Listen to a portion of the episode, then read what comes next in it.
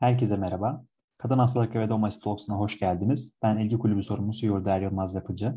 Bugün Kadın Hastalıkları ve Doğum Asistanlarından Doktor Onur Can Zayin bizlerle beraber. Teşekkürler öncelikle. Merhaba, sağ ol Yurda. Çok teşekkür kabul ederim. ettiğin için. Ben Ee, teşekkür ederim. Böyle güzel bir toplantıya beni çağırdığın için. Çok sağ ol. Ne demek abi? Ee, öncelikle bize kendini tanıtabilir misin Onur Can abi? Tabii ki. e, ben Onur Can Zahim. E, kadın doğum dördüncü yıl asistanıyım. E, uzmanlık e, almama az bir süre kaldı. Ben de Hacettepe'liyim. Hacettepe İngilizce Tıp 2017 mezunlarındanım ben de. E, güzel benim için yani özellikle e, dönem 1'de bizde böyle bir kadın doğum ilgi kulübü kuralım mı diye şey yapmıştık. İsim vermeyin bir öğretim üyemiz ne yapacaksınız lan kadın doğumu gibi bir şeyde bulunmuştu. Tabii esprili bir şekilde. Ama gerçekten böyle yani bunun şu anda gerçekleşmiş olduğunu görmek yani takriben 11 yıl sonra, 10,5 yıl sonra, 11 yıl sonra böyle bir şeyin gerçekleştiğini görmek beni çok mutlu etti. Çok da ayrıca tekrar teşekkür ediyorum beni çağırdığınız için bu şekilde. Biz teşekkür ederiz abi. Ee, kadın hastalıkları doğumdan bahsedebilir misin? Hangi tür hastalıklarla ilgileniyorsun? Şimdi e, kadın hastalıkları ve doğum e, bildiğiniz üzere majör e, dallardan bir tanesi tıbbın. E, bu nedendir ki işte dönem 4'te özellikle majör stajlar içerisinde geçiyor ve sebebi de şu e, tüm bu kadın doğum külliyatı çok eskiye dayanıyor aslında tarihçi olarak. Yani e, obstetrics and gynecology İngilizcesi bildiğiniz üzere e, Ginos Yunanca'da kadın demek. Histeros gibi ya da e, bunlar e, yani kadın hastalıkları, kadın bilimi anlamına geliyor. Obstetrics de Latince obstetrare fiilinden geliyor. Obstetrare fiili ise e, doğumda yardımcı olma anlamı. Daha doğrusu şöyle eskiden işte insanlar, ilkel insanlar beraber böyle sürüler veya koloniler halinde yaşarken bu, e, dışarıdaki avcı hayvanlara karşı e, doğum yapan kadınlara başında dururlarmış ve e, bunlara karşı korurlarmış. Obstetralde tam böyle bir anlamı var aslında. Böyle bir e, şey geliyor. Obstetrics and buradan geliyor. Peki ne yapıyor bir kadın doğumcu? Yani bir kadın hastalıkları ve doğum uzmanı ne yapıyor? Şöyle e, dedi, temel olarak baktığımız zaman e, kadın hastalıkları temel olarak aslında yine hekimliğin e, ilk basamağına gidiyoruz. Koruyucu hekimlik. Bu çok önemli. Gerçekten çok önemli. Yani buradan e, hepiniz pratisyen hekimler olarak çıkacaksınız. Sonrası için de e, uzmanlık zamanınızda belki öğretmeniz, hoca olduğunuz zaman da hep bu esas şey geliyor. Bizim amacımız aslında temel olarak kadın sağlığını korumak. Çünkü kadın sağlığı ve bir yandan da tabii doğum hekimliği yaptığımız için anne sağlığı bir ülkenin gelişmişlik göstergelerinin başta gelen e, kriterlerinden. Bizim temel amacımız bunu sağlamak. Yani ilk başta her zaman size sürekli tıp fakültesine söylenen şey gerçekten doğru ve önemli. Kadın sağlığını korumak ve geliştirmek. E tabi yani her zaman bu e, preventif tıp mümkün olmuyor. Bundan ziyade daha çok e, ilgilendiğimiz ikinci basamak sağlık hizmetine yani tedaviye daha çok e, başvuruluyor. Hem bu hastalıkların yaygınlığı hem de işte ikinci basamakta olduğumuz için uzman hekimler olarak. Nelerle ilgileniyoruz? Jinekolojiye bakacak olursak bizim tamamen cerrahi branş olduğumuz için anatomiyle tüm işimiz. Anatomiyle çok çok temel e, ilgili. Yani yumurtalığın, yani overlerin, tubanın, uterusun, e, korpus uteri, servis uteri, vajen, vulva hastalıklarıyla ilgileniyoruz. Bunlardaki patolojilerin tedavisiyle ilgileniyoruz. Cerrahilerini yapıyoruz. Onun dışında obstetre diye geçen doğum hekimliği, başta en yani en temelinde e, sağlıklı gebe takibinden tutun da riskli gebeliklerin yönetimleri ve bunların e, doğurtulması veya gebelik, gebeliklerin sonlandırılması ve bunların komplikasyon yönetimine ilgilenen bir tıbbın e, bilim dalı diyebiliriz. Ee, burada dünyada galiba iki farklı ekol var. Bazı ekollerde Almanya'da benim bildiğim kadarıyla e, meme cerrahisi de kadın doğumun içindeyken bizde Evet. değil. Ee, Aynen. sence hangisi daha doğru abi? Onu sorayım ek soru olarak aklımdayken.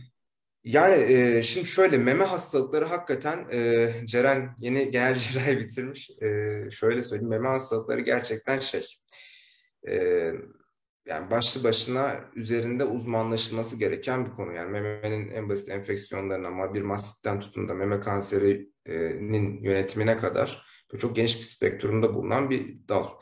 Yani kadın doğum e, şeyi külliyatı gerçekten bahsettiğim gibi çok e, geniş.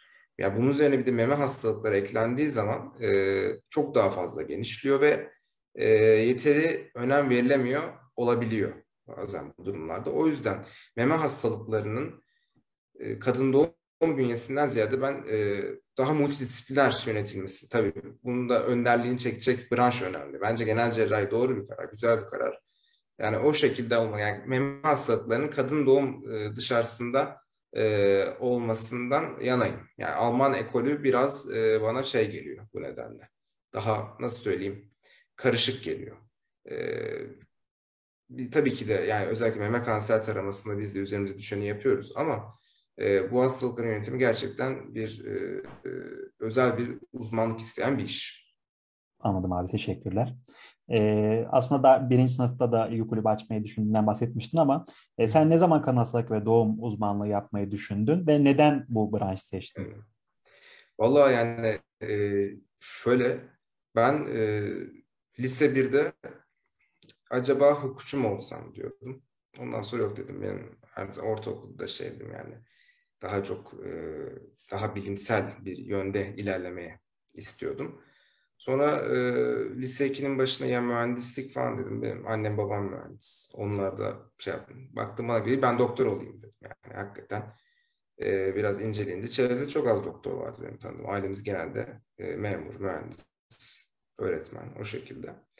Ama e, özellikle lisede ben e, tıbbı seçmeyi düşünmeye başladıktan sonra yine lisede, özellikle lise sonunda e, bir akrabamız vasıtasıyla, buradan kendisi de bir kadın doğumcu, benim anneanne, e, babaannemin e, kuzeni diyelim, eski e, Cerrahpaşa'nın eski hocalarından, bir tüp bebekçi.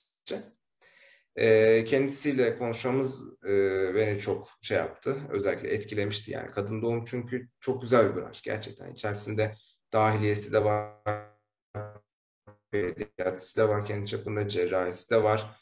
Ee, daha izole, kendi işinizi yaptığınız, e, yani çoğu zaman dışarıya bağımlı olmadığınız e, bir branş. Ve ben lise döneminde özetle e, kadın doğumcu olacağım ben. Ya bu çok güzel bir iş gibi duruyor dedim.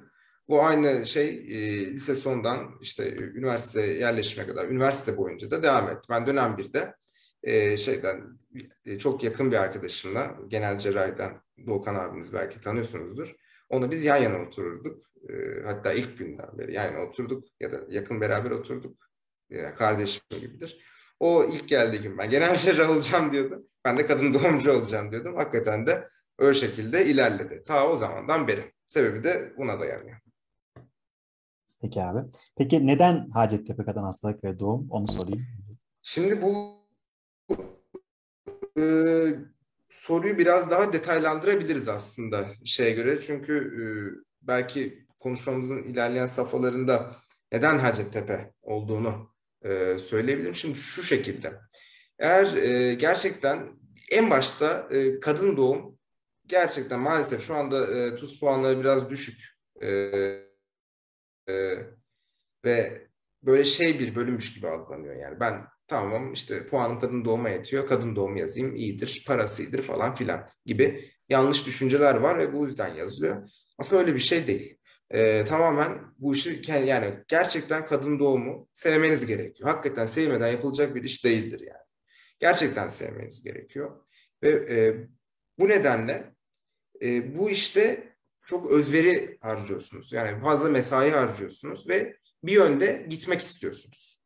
İşte bizim e, ilgilendiğimiz alanlardan e, özellikle daha üst ihtisaslara çıkacak olursak riskli gebelik, kadın kanserleri ya işte tüp bebek veya ürojinekoloji gibi konularda daha da kendinizi geliştirebiliyorsunuz. Benim Hacettepe seçmemin temel nedeni bizim yani Hacettepe olarak Türkiye'de e, e, ciddi bir jinekolojik onkoloji merkezi olmamız. Yani burada e, jinekolojik e, yani Hacettepe'de gördüğünüz jinekolojik onkoloji ameliyatları çoğu yerde yapılmıyor. Yani büyük merkezlerde yine yapılıyor ama bu kadar çeşitli, e, bu kadar yönetimin e, nasıl söyleyeyim detaylandırıldığı birkaç tane merkez var e, şeyde Türkiye'de. Ve zamanında istediğim için e, Hacettepe'yi tercih etmiştim. Çünkü bundan dolayı. Ama riskli gebelikle uğraşmak veya normal bir gebelikle uğraşmak veya ürojinekoloji veya tüp bebekle uğraşmak istesem farklı bir yer tercih ederdim. Ama ben bu konuda ilerlemek istediğim için Hacettepe'yi bu nedenle seçtim. Abi. E, asistanlık süreci nasıl ilerliyor? Hangi sene asistanın ne yapacağı ve aylar arasındaki döngülerin nasıl olacağı belli mi? Ve gruplaşma var mı? Genel cerrahide A, B, C, D grubu varken kadın doğumda böyle bir gruplaşma var mı? Şimdi e, kadın doğumda genel cerrahideki bir A, B, C, D grubu yok. Kadın doğum temel e, çalışma prensibi e, tüp bebek ekibi var. Yani biraz üst ihtisasa göre dağılmış bir e, çalışma prensibi var. Tüp bebek ekibi var. İşte perinatoloji, obstetri ekibi var. Ve e, jinekolojik onkoloji ve genel jinekoloji ekipleri olarak e, böyle temelde üç ayrı ekip şeklinde çalışan bir düzeni var. Ama tam bunların sınırları e, çok keskin değil. Yani biz beraber de yani bu üç ekip ayrı aynı ya da ortopedi veya genel cerrahideki o kadar ayrı çalış tarihleri hatırlamıyorum ama yanlış olmasın 2002 yılı ile 2010 seneleri arasında 5 yıla çıkartılmış. Ve e, genelde tüm cerrahi branşlar 5 yıldır e, uzmanlık eğitimi. Burada şu anki güncel durumda iki tane cerrahi branş buna e, istisna tıbbi patoloji de cerrahi ana, e, bilim e, cerrahi tıp bilimleri içerisinde sayarsak üç tane patoloji, e, kadın doğum ve göz hastalıkları. Bu dördü, özür dilerim bu üçü dört yıl e, süreli. Eskiden 5 yılmış dediğim gibi 2002 ile 2010 seneleri arasında bu 5 yıllık süre içerisinde e, özellikle Hacettepe'nin sisteminden bahsediyorum. Bu 5 yılı yıl yıl bölmüşler. İşte birinci yıl asistanı, ikinci yıl asistanı, üçüncü yıl asistanı, dördüncü yıl asistanı, beşinci yıl asistanı şeklinde. Ancak günümüzde e, bunlar 12 aylık döngüler şeklinde değil. Yani 4 yılı 48 ayı 5'e bölüyorsunuz kabaca şu anki. Yani 50 ay deseniz uzatmaz bir şey falan. 10 aylık aslında bir e, şeyler var. E, nasıl söyleyeyim? Periyotlar var. E, bu kıdemler var. Birinci yıl, ikinci yıl, üçüncü yıl, dördüncü yıl, beşinci yıl kıdemleri. Ama şöyle bunların hepsinin sayısı da 10 ayla sınırlı değil açıkçası. Birinci yıl asistanlığı ben 9 ay yapmıştım mesela. Ama en az yapılan 5. yıl yani pre uzman dediğimiz şey. Peki bu şeyler yıllar ne yapıyor? Birinci yıl asistanlığı.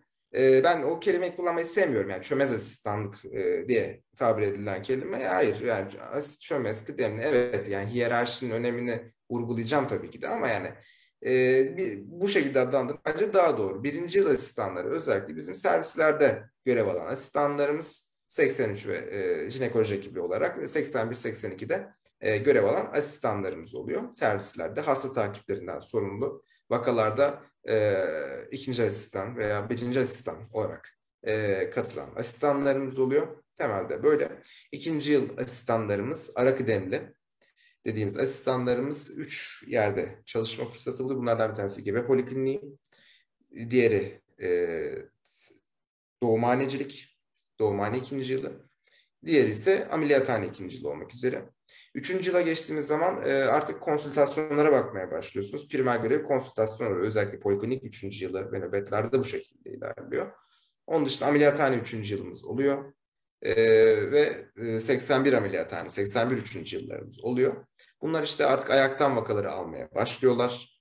E, bizim dördüncü yıl asistanı diye tabir ettiğimiz en önemli dönem olan e, baş asistanda e, kendilerini hazırlıyorlar bu dönemde işte eğitimleriyle.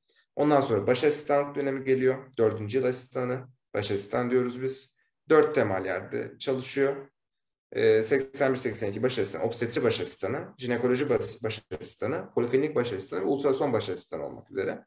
Dört e, farklı yerde e, rotasyon, iç rotasyonunu yapıyor. E, son dediğimiz beşinci yıl ya da pre uzman asistan dediğimiz kişilerde yan e, bünyelerinde çalışıyorlar. Onkoloji 5. yılı, perinatoloji 5. yılı, IVF 5. yılı olacak şekilde. Genelde böyle bir işleyişimiz var. E, ama dediğim gibi bu 5 yıllık isimlendirme bu eskiye dayanan bir e, şey. Bu 2002-2009 seneleri arasındaki kadın doğum eğitim süresine dayanan bir adlandırma. Bu şekilde. Peki e, çalışma koşullarınız nasıl? Gün, gün içindeki iş yoğunluğunuz, haftada kaç saat çalışıyorsunuz, hangi günler çalışıyorsunuz? Nöbet sıklığınız ve tatil süreniz nasıl? Bu çok e, geniş kapsamlı bir soru. E, maalesef bunun yani Hacettepe için cevabı var tabii de yani Türkiye için tek bir cevabı yok maalesef. Çünkü bir e, şey bir kliniğin hasta yükü oranın kaçıncı basamak hastane olduğundan tutun da o ilin nüfusunun kaç olduğu çevre illerden referans refer edip edilmedi birçok şeye bağlı. Şimdi Hacettepe biraz önce de bahsettiğim gibi onkoloji e, açısından çok referans olan bir e, hastane ve e, aynı zamanda perinatoloji açısından da şey oluyor. Üçüncü basamak e, üniversite hastanesi olduğu için e, yan dallar büyük önem arz ediyor. E, bu yüzden Hacettepe'ye gelen hasta sayısı nispeten daha seçilmiş hastalar. Çünkü referansla gelen ya da refere edilen ya da buraya sevk edilen hastalar oluyor. Yani öyle ikinci basamak atıyorum.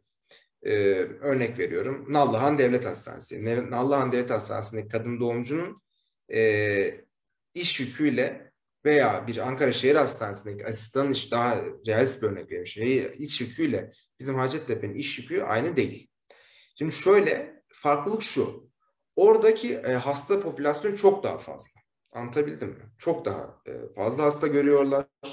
Çok daha fazla hastan sorumlular. Çok daha fazla vaka yapabiliyorlar bu nedenle. Ama Hacettepe veya Ankara Tıp veya Gazi Tıp bunlar referans merkezi, üniversite hastane oldukları için hasta sayısı az. Ancak nitelikli hasta yani e, vakaya adiye diye bir şey yok. Her hepsinin bir özelliği var ve bu e, T, T tipi Orada sayı daha fazla alt tabana böyle yayılmışken burada daha nitelikli hastalar oluyor. Bu şekilde e, sayıca az ama çeşitlilik açısından fazla görmüş oluyorsunuz. Bu nedenle ama e, iş yükü de e, ona göre değişebiliyor. Ha, kadın doğum olarak, kadın doğum olarak konuşursak iş yükü açısından hiç de e, hafif bir branş değil maalesef. Hastaların çünkü e, takipleri çok önemli bizde gebe takibi olsun, kanser hastalarının takibi olsun özellikle bunlar hele özellikle riskli gebelikse bunların takipleri büyük önem arz ediyor. Ve e, maalesef e, o konuya da geleceğiz büyük ihtimalle hukuki e, şeylerden dolayı, e, sorumluluklardan dolayı e, çok daha fazla dikkatli olmamız gerekiyor. Böyle bir e, çalışma ortamımız var. Yani bu hukuki e, meselelere karşı biraz daha e, nasıl diyeyim e, vulnerable yani ne der ya tam İngilizcesi vulnerable yani hassas e, olmamız bizi biraz daha dikkatli, bir tık daha stresli e, yapabiliyor. E, o yüzden bizim çalışma ortamımız şey açısından demiyorum kesinlikle. Biraz stresli ve yoğundur kadın doğum. Ha ama bunu kesinlikle başladığım dönemde gün aşırı nöbetle başlanıyordu Hacettepe'de. E, ben bir buçuk ay falan bir gün aşırı nöbet tutma şeyim oldu. E, ondan önce 6 ay tutanlar da olmuş. 2 yıl tutan da olmuş. E, daha eskilere gittiğin zaman. Ama e, özellikle bu e, şeyden sonra e, eskiden sadece emekli sandığı sigorta kapsamında olan bir hastane. Şimdi kimse TSK ve Bağkur'un da onları ekleyip SGK ve bu nedenle e, asistan sayısı da e, ister biraz artış gösteriyor. Bu nedenle nöbet sayıları e, şey oldu, e, azaldı eskiye göre. Yani başlangıç nöbet sayıları. Ben gün başlarken şu an bir de pandemide girdi. Üç güne bir nöbetle fix olarak başlatıyoruz. Yani ayda 10 nöbet veya 11 nöbet şeklinde başlıyor şu anda.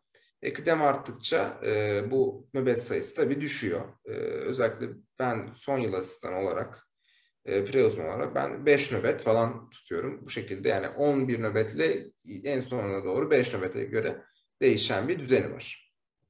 E, peki yıl içinde tatil süreçleriniz, tatil ne kadar tatil yapabiliyorsunuz, ne kadar izin alabiliyorsunuz? Şimdi e, şöyle, yani Hacettepe için konuşayım. Bizim kliniğimiz gerçekten eğer bir sıkıntım varsa, şey varsa e, kafa iznine çıkabilir. Yani bunu güzelce açıklarsan, herkesle konuşup izni alırsan sırasıyla e, buna izin veren bir yer. Resmi izin olarak da e, 21 gün olarak, 3 hafta olarak şey yapılıyor resmi izin veriliyor. Peki nöbetleriniz nasıl geçiyor? Nöbet yoğunluğunuz nasıl? Nöbet içindeki yoğunluğunuz, hasta yoğunluğu nasıl oluyor? Şimdi bizim kadın doğumda bir laf vardır. Kadın doğum her işi acildir. Yani bu sen bir dakika sonra gelecek hastanın ne olduğunu bilemediğiniz için e, bu bizde ister istemez bir e, nasıl söyleyeyim pratiklik, her işe bir acil yaklaşma şeyi e, havası kazandırıyor. Böyle bir e, şeyiniz oluyor, tutumunuz oluyor her şeylere karşı, vakalara karşı, genel şeylere karşı. Çünkü bize bu nedenle hazırladığımız, yani kendimizi hazırlamamız gereken şey nöbet. Nöbette e, bizim acilimiz çok fazla gerçekten. Yani e, bir standart bir cerrahi branştan bir tık daha yüksek, fazla e, şey hastamız var, e, acil hastamız var. Özellikle gebe hastaları, gebe acilleri, obstetrik aciller ki siz pratisyen hekimlerin de bilmesi gereken konular. En azından bir kadın doğumcuya güzelce bunu e, sevk edebilmeniz için. E, çok ciddi şey kapsıyor. Yani ben Hacettepe'de tuttuğum nöbetlerde bu obstetrik ve jinekolojik acil açısından görmediğim literatüre baktığım zaman bir veya iki tanedir. Yani o kadar e, biraz acil yükü fazla olan nöbetleri e, sıkıntılı geçebilen bir branş. Önceden uyarayım yani. E, peki baş asistanlıkta işleyişiniz nasıl oluyor? Baş asistan derken neyi kastediyorsun? İdari anlamda baş asistan mı? Hem Yoksa idari hem de e, dördüncü yılda anlamında. dediğimiz. İki anlamda da. Şimdi e, şöyle idari anlamda yani e, işte pediatri baş asistanı, baş asistanları atıyorum, nöroloji baş asistanı. İdari anlamda baş asistan dediğimiz zaman, kadın doğum baş asistanı dediğimiz biz baş baş asistan diye e, tarif ediyoruz. Çünkü baş asistan bize dördüncü yıl kıdemine tekabül eden ve kadın doğum eğitiminin en önemli senesini oluşturan dönem. Baş baş asistan diye tarif ettiğimiz idari anlamda baş asistan olan kişi e, temelde e, asistanlar ile e, ana bilim dalı başkanı başta olmak üzere ve asistan sorumlusu öğretim üyesi başta olmak üzere o aradaki köprüyü kuran kişi. Özellikle nöbet düzenleri, e, çalışma yerleri, idari, bilimum idari konular asistanları ilgilendiren bunlardan sorumlu. E, ve klasik bir asistan ve dördüncü yılken yapılıyor bu. E, klasik bir asistanın yani normal bir asistana göre bir kat daha fazla sorumluluğu var. Özellikle bölüm içi e, işleyişin düzenlenmesinde işte gerekli feedbacklerin verilmesi hocalara karşı, asistanlara karşı işte bunların nöbet düzenle çalışma düzenleri, e, stajyer listeleri, intern listeleri bunların e, yapılması, ilgili öğretimi, tabii internlerden ve stajyerlerden sorumlu öğretim üyelerine bunların sunulması, ders programlarının hazırlanması gibi e, birçok konudan e, sorumlu oluyor bu e, idari anlamda baş asistan. E, onun dışında asistan derslerinin düzenlenmesi veya işte Sağlık Bakanlığı'ndan gelen bazı şeyler oluyor nasıl söyleyeyim, istekler oluyor yani idarece bize e, bildirilmiş onların tertip edilmesi falan vesaire. Böyle bir e, yoğun bir idari e, iş yükü var aslında bizde. E, bu da biraz da e, doğruluğu yanlışlığı tartışılır. Çünkü e, asistan e, görevleri, görev tanımları bazen tabii değişebiliyor. E, o yüzden de bunu şey yapmak lazım. E, görev tanımlarını iyi belirlemek lazım. Ee, diğer anlamda baş asistan demiştin. O da bizim dördüncü yıl kıdemi diye bahsettiğimiz e, poliklinik baş asistanı, 83 ekoloji baş asistanı, e, 80 ve 82 obstetrik baş asistanı ve ultrason baş asistanı de, demiştim biraz önce de. Dört farklı yerde çalışıyor. E, genel işleyiş şöyle. E, poliklinik baş asistanı tüm poliklinikteki gebe polikliniğinden, ultrasondan, konsültasyonlardan ve kendi, kendi bulunduğu, kendi primer hasta göre jinekoloji polikliniğinden sorumludur. E, tabii diğer e, branş şeyler, diğer e, alt kıdemler orada çalışıyorlar ama asıl primer herkes, her şey ona danışılır. Poliklinik baş asistanı ve bir sonraki ay jinekoloji baş, baş asistanı için yani bu blok halinde yapılır. Poliklinik baş asistanı, jinekoloji baş asistanı. Poliklinik baş asistanı, jinekoloji baş asistanı şeklinde. Pol 83, Pol 83 şeklinde. Ve bir sonraki ay kendi alacağı vakaları e, bulur o şeyden, poliklinik hastalarından ve e, gerekli endikasyonları, cerrahi endikasyon ortaya çıkarsa kendi vakalarını toplar, bir sonraki ayda yapar. Ultrason baş asistanı e, tüm hoca ultrasonları dahil, yani kendisine gönderilmiş hoca ultrasonları dahil tüm e, transvajinal ve transabdominal ultrasonlardan sorumlu olan kişi. Obstetri baş asistanı doğumhane ve 82'den sorumlu olan kişi kendi sezaryenlerini alır, gerekirse ayaktan vakalarını alır. E, jinekoloji baş asistanı da işte bir önceki ay poliklinik baş asistanı olarak bulduğu vakaların vakalarını almakta ve 83 işleyişinden mükellef. Bu şekilde. E, peki asistanlık sürecinde pol ve servisten sonra E, ne zaman ameliyathaneye inme durumu oluyor ve sen ilk ameliyatını ne zaman kendi başına yapabilmiştin?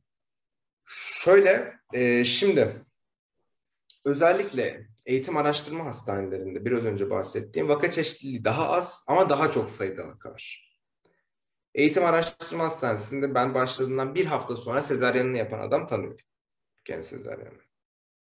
Ama bize tabii de, demiştim ya e, vaka çeşitliliği çok fazla, vaka sayısı az. Daha nitelikli vakalar. Bu yüzden özellikle yani tüm üniversite hastanelerinde böyle. Yani İbn Sina'da da böyle. Daha doğrusu Ankara Tıp'ta. Gazi'de da böyle. Cerrahpaşa'da da böyle. Daha nitelikli vakalar geldiği için senin e, ilk vakanı yapma sürecin bir eğitim araştırma hastanesindeki asistan kadar çabuk olamayabiliyor. Özellikle ben ne zaman mesela ilk sezaryanımı yapmıştım. Yani kendim yaptım e, demeyeyim. Yani karşımda biri bana yaptırdı. Ama primer cerrah bendim. Karşımda benden kıdemli veya bir uzman veya hoca e, bana yaptırdığı zaman ben e, kaç aylık bir asistandım? E, beş aylık bir asistandım. İlk vakamı beşinci ayımda yapmıştım sezaryen olarak. Ki tabii ondan sonra sezaryen artık vakaya adiyeye dönüşmeye başlıyor. Yani gerçekten e, en temel e, ameliyatlardan bir tanesi olmaya başlıyor sizin için. E, jinekolojik anlamda e, ilk vakamı yani bir tah ben şeyde yaptım. E, üçüncü yıl kıdeminde yapmıştım. E, şey ise laparoskop, laparoskopik vakamı ise ikinci yıl kıdeminde yapmıştım. Ama ilk vaka sezeryen beşinci ayda olmuştu. Ve e, doğum yaptırmak tabii o da önemli. E, ilk doğumunda e, üç aylıkken falan yaptırmıştım. Bu şekilde. E tabii bu sayılar çok daha öne geliyor eğitim araştırma hastanelerinde. Ee, peki siz başka bölümlere rotasyona gidiyor musunuz? Mesela ortopediden FTR arasında böyle bir geçiş var. Sizde böyle bir şey var mı?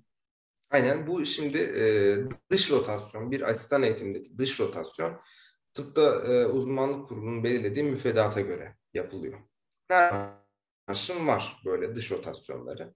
Kadın doğum için konuşursak da bizim 4 aylık, 4 farklı bölümde e, dış rotasyonumuz var. Birer ay olmak üzere. Anestezi ve reanimasyon, genel cerrahi, üroloji ve patoloji.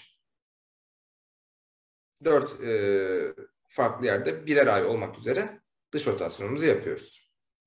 E, peki uzman asistanlık yani uzmanlık sürecinizin bir kısmını yurt dışında yapma imkanınız oluyor mu? E, yurt dışı yani rotasyonu çok isterseniz veya şey yaparsanız bir şekilde ayarlarsanız gidebilirsiniz. Yani gözlemci olarak gidebilirsiniz tabii. Yani orada observership olarak gidilebilen bir şey. Onları da konuşuruz isterseniz. Ama ben e, asistanlık döneminde giden görmedim. Asistan eğitim yani e, asistanken gideni görmedim. Fellowken yani yan dal asistanı giden e, abilerimiz, ablalarımız oldu Almanya'ya falan. Oradan biliyorum. Onlar yan dal asistanı daha çok e, böyle bir şey attend olabiliyor. Ama ben yani asistanken gideni bilmiyorum. Görmedim de. Ama yapılabilir mi? Yapılabilir tabii. E, peki sizin hocalarla ve diğer asistanlarla aranızdaki iletişim nasıl oluyor? Valla e, ben Hacettepe Kadın Doğum'un eski halini biliyorum. Yani e, dönem dörtteyken ben kadın doğum e, stajyeriyken ki ortamla şu anki ortam çok farklı.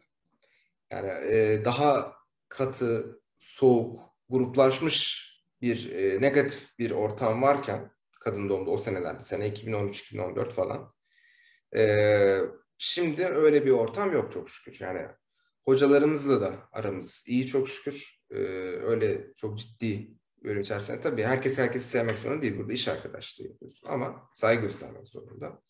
Öyle e, eskisi gibi bir ortam yok. Yani şu anki ortamımız çok daha iyi diyebilirim. Daha huzurlu en azından. Çünkü zaten işin kendisi stresli. Kadın doğum stresli bir branş, zor bir branş. İnsan huzursuz edebilen durumları çok branş. Bu nedenle temel şey iş arkadaşları olarak, mesai arkadaşları olarak, asistandan hocasına kadar birbirine bu ortamı e, huzurlu kılmak. İşte bu da bu yani herkesin de özellikle siz de asistan olacaksınız. Onu demek istiyorum. Huzuru bozacak e, şeylerden, e, davranışlardan ve tutumlardan kaçınmak gerekiyor. İşte dedikodu olur, gruplaşma olur, arkadan konuşma olur, çekemem olur. Böyle bir şey yok. Biz hepimiz aynı geminin yolcularıyız. Ortak bir e, amaç için çalışıyoruz. En önemli şey hasta ve eğitim. Bu iki şeyi unutmamak gerekiyor. Hatta üç şey. Çünkü tıbbı genel olarak üç basamağa oturdursak eğitim, araştırma ve sağlık hizmeti olarak. Yani sağlık hizmeti derken hasta unutmayacaksın, eğitim unutmayacaksın, araştırma unutmayacaksın. Bu üç şeye bu senin asıl görevin olacak. Bu senin primer şey. Onun dışında e, kim ne yapıyormuş, ne diyormuş bakmayacaksın. E, benim size önerim bu olur. Ben EBO şekilde yaptım. Nerede dedikodu var, gruplaşma oradan kaçtım. Çünkü gerek yok. Vakit kaybı. Enerjinizi harcıyorsunuz saçma sapan. İş e, çığırından çıkıyor, büyüyor. Gereksiz huzursuzluklar oluyor ve huzursuzluklardan maalesef de en çok zarar gören hastalar oluyor. Çünkü bu huzursuzluk, gerginlik ortamında hata artıyor. Hatayı yani ki bizim iş öyle hatayı kolay kolay kaldırabilecek bir iş değil. Hata tabii oluyor ama majör hatalar çok sıkıntılı sonuçlar yaratabiliyor. O yüzden asıl olay tamamen huzurun esas kılınması. Size de önerim bu olur asistan olarak ileride. Ama e, özetleyecek olursak eskiye göre çok daha iyi bir ortamımız var. E, üç basamağı şimdiye kadar bahsetme, üç ayağın şimdiye kadar bahsetmediğimiz ayağından bahsedecek evet. olursak asistanlıkta bilimsel araştırma süreçleriniz nasıl oluyor? E, katılıyor, katılabiliyor musunuz? Makale yayınlayabiliyor musunuz hocalarla birlikte? Onu soracak. Ee, neden Hacettepe sorusuna ben burada bir şey yapmak istiyorum. Hacettepe gerçekten bunun için avantajlı bir şey. Ama ne zaman? Eğer siz araştırma yapma konusunda hevesliyseniz, e, bir makale yayınlayalım, bir e, seminer düzenleyelim, e, işte kongreye poster hazırlayalım, sunum hazırlayalım, vaka yazalım. E, bunda hevesliyseniz hocalar hiçbir zaman reddetmiyor. Yeter ki siz istekli olun ve kapılarını çalın. Hacettepe bu açıdan hakikaten güzel bir e, klinik. Yani burada istediğiniz zaman şey yapabiliyorsunuz. Tabii bu güncel durumlarda e, nasıl olacak o çok şey değil ama ben en azından bu fırsatı buldum. En azından impact faktörüm iki yani şu asistan olarak ki durumunda. E, böyle bir istedi yani siz isterseniz bunu çok e, Hacettepe diğer klinikleri bilmiyorum ama Hacettepe gerçekten bu konuda güzel bir klinik yani yapabiliyorsun tabii. E, yurt içi ve yurt dışı kongrelere ve kurslara katılım durumunuz oluyor mu? Şimdiye kadar ne Gayet kadar katıldın iyi. abi? Şimdi şöyle e, ne sıklıkta hani sayı olarak benim bir şey. Aynen benim tam asistanlığımın e, ortasına böyle pandemi oturdu. E, o yüzden pandemiden dolayı çok şey yapamadık. E, gidemedik. Pandemiden önce bir kere bir Sağlık Bakanlığı'nın zorunlu tuttuğu bir acil obstetri uygulama eğitimi vardı Antalya'da. Ona gittim. Ama zorunluydu yani. O kongre değil eğitim ve kendi paramla gittim. Ama e, şimdi pandemi bu şekilde biraz daha işte nasıl söyleyeyim sayıcı azalmadı tabii ama yani daha hafifleyince ortam e, iki defa kongre gitme yani bir gideceğim, gittim bir gideceğim e, şansım oldu. Ama onun dışında işte Türk Jinekoloji Obstetri Derneği olsun, e, TSRM, Turkish Society of Reproductive Medicine mesela bunlar büyük dernekler. Bunların sağladığı burslarla, şeylerle, e, asistan e, kontenjanlarıyla birçok şeye katılabiliyorsunuz. Kongreden ziyade katıldığım bir süre eğitim oldu ama. Ve, ve o eğitimlerin çok faydasını gördüm gerçekten. İnsan çünkü bakış açısını e, artıran bir şey, genişleten bir şey ve e, kafandaki o karman çoğman olmuş o teorik bilgileri bir düzene koyan şeyler oldu. Ben onlardan çok faydalandım. Ve bunlara güzelce katılabiliyorsun. Ki hele hele yani pandeminin bu son döneminde e, bu kadar bir sayıya ulaştım yani. Tamamdır abi. Şimdi biraz daha insanları karamsarlığa sevk eden e, karanlık konulara gireceğiz diyeyim. E, hiç yurt dışında asistanlık yapmayı düşündün mü? Türkiye yurt dışı arasında kaldığın oldu mu? Niye Türkiye'de kalmayı tercih ettin öyle olduysa? Şimdi şöyle e, ben ben dönem 6 iken fakültesini bitirirken daha işler bu kadar kötü değildi. E, pandemi yoktu, bir şey yoktu. Hadi tam yine ülkenin durumu çok iç açıcı, iç açıcı değildi ama bu kadar şey değildi. En azından bir umut vardı insanın içinde. Ama e, maalesef işler çok güzel gitmedi. E, Türkiye açısından ve dok Türk doktorlar açısından. ve yani tüm Türk e, sağlık çalışanlar açısından. Şiddeti bir yandan, e, hukuki sana getirdiği yükelele kadın doğumda bir yandan, e, mesleki maddi anlamda tatmini bir yandan, çalışma düzeni, nöbet şartları, işte çalışma şartları bir yandan. Bu e, biraz ülkede şey yarar. Yani hepsi bir araya gelince hep vardı küçük küçük böyle böyle problemler ama hepsi bir araya gelince artık insanların e, canına tak etti. Biraz bu durum. Şimdi şöyle e, ben bunu bir spektrum yani bu yurt dışında çalışma şeyini bir spektrum olarak değerlendiriyorum. Benim üniversite hazırlık dershaneden bir arkadaşım var. E, SAT'ye girdi. Çocuk Amerika'da mühendislik okudu. Bir spektrum bir noktası o. Oradan başlıyor. Bir tanıdığımın tanıdığı var. 50-52 yaşında doktor. Karar veriyor. Evli, barklı, çocuklu kadın. Karar veriyor. Eşi mühendis galiba. Amerika'da bir iş buluyor eşi. Ben de gideceğim diyor. O da gidiyor. Orada bir vasıtayla işte USML'lerini veriyor. Bir şekilde match oluyor ve orada biyokimya uzmanı oluyor Amerika'da. Yani böyle bir spektruma dağılmış bir şey. Bir e, yurt dışına gitme meselesi. Şimdi e,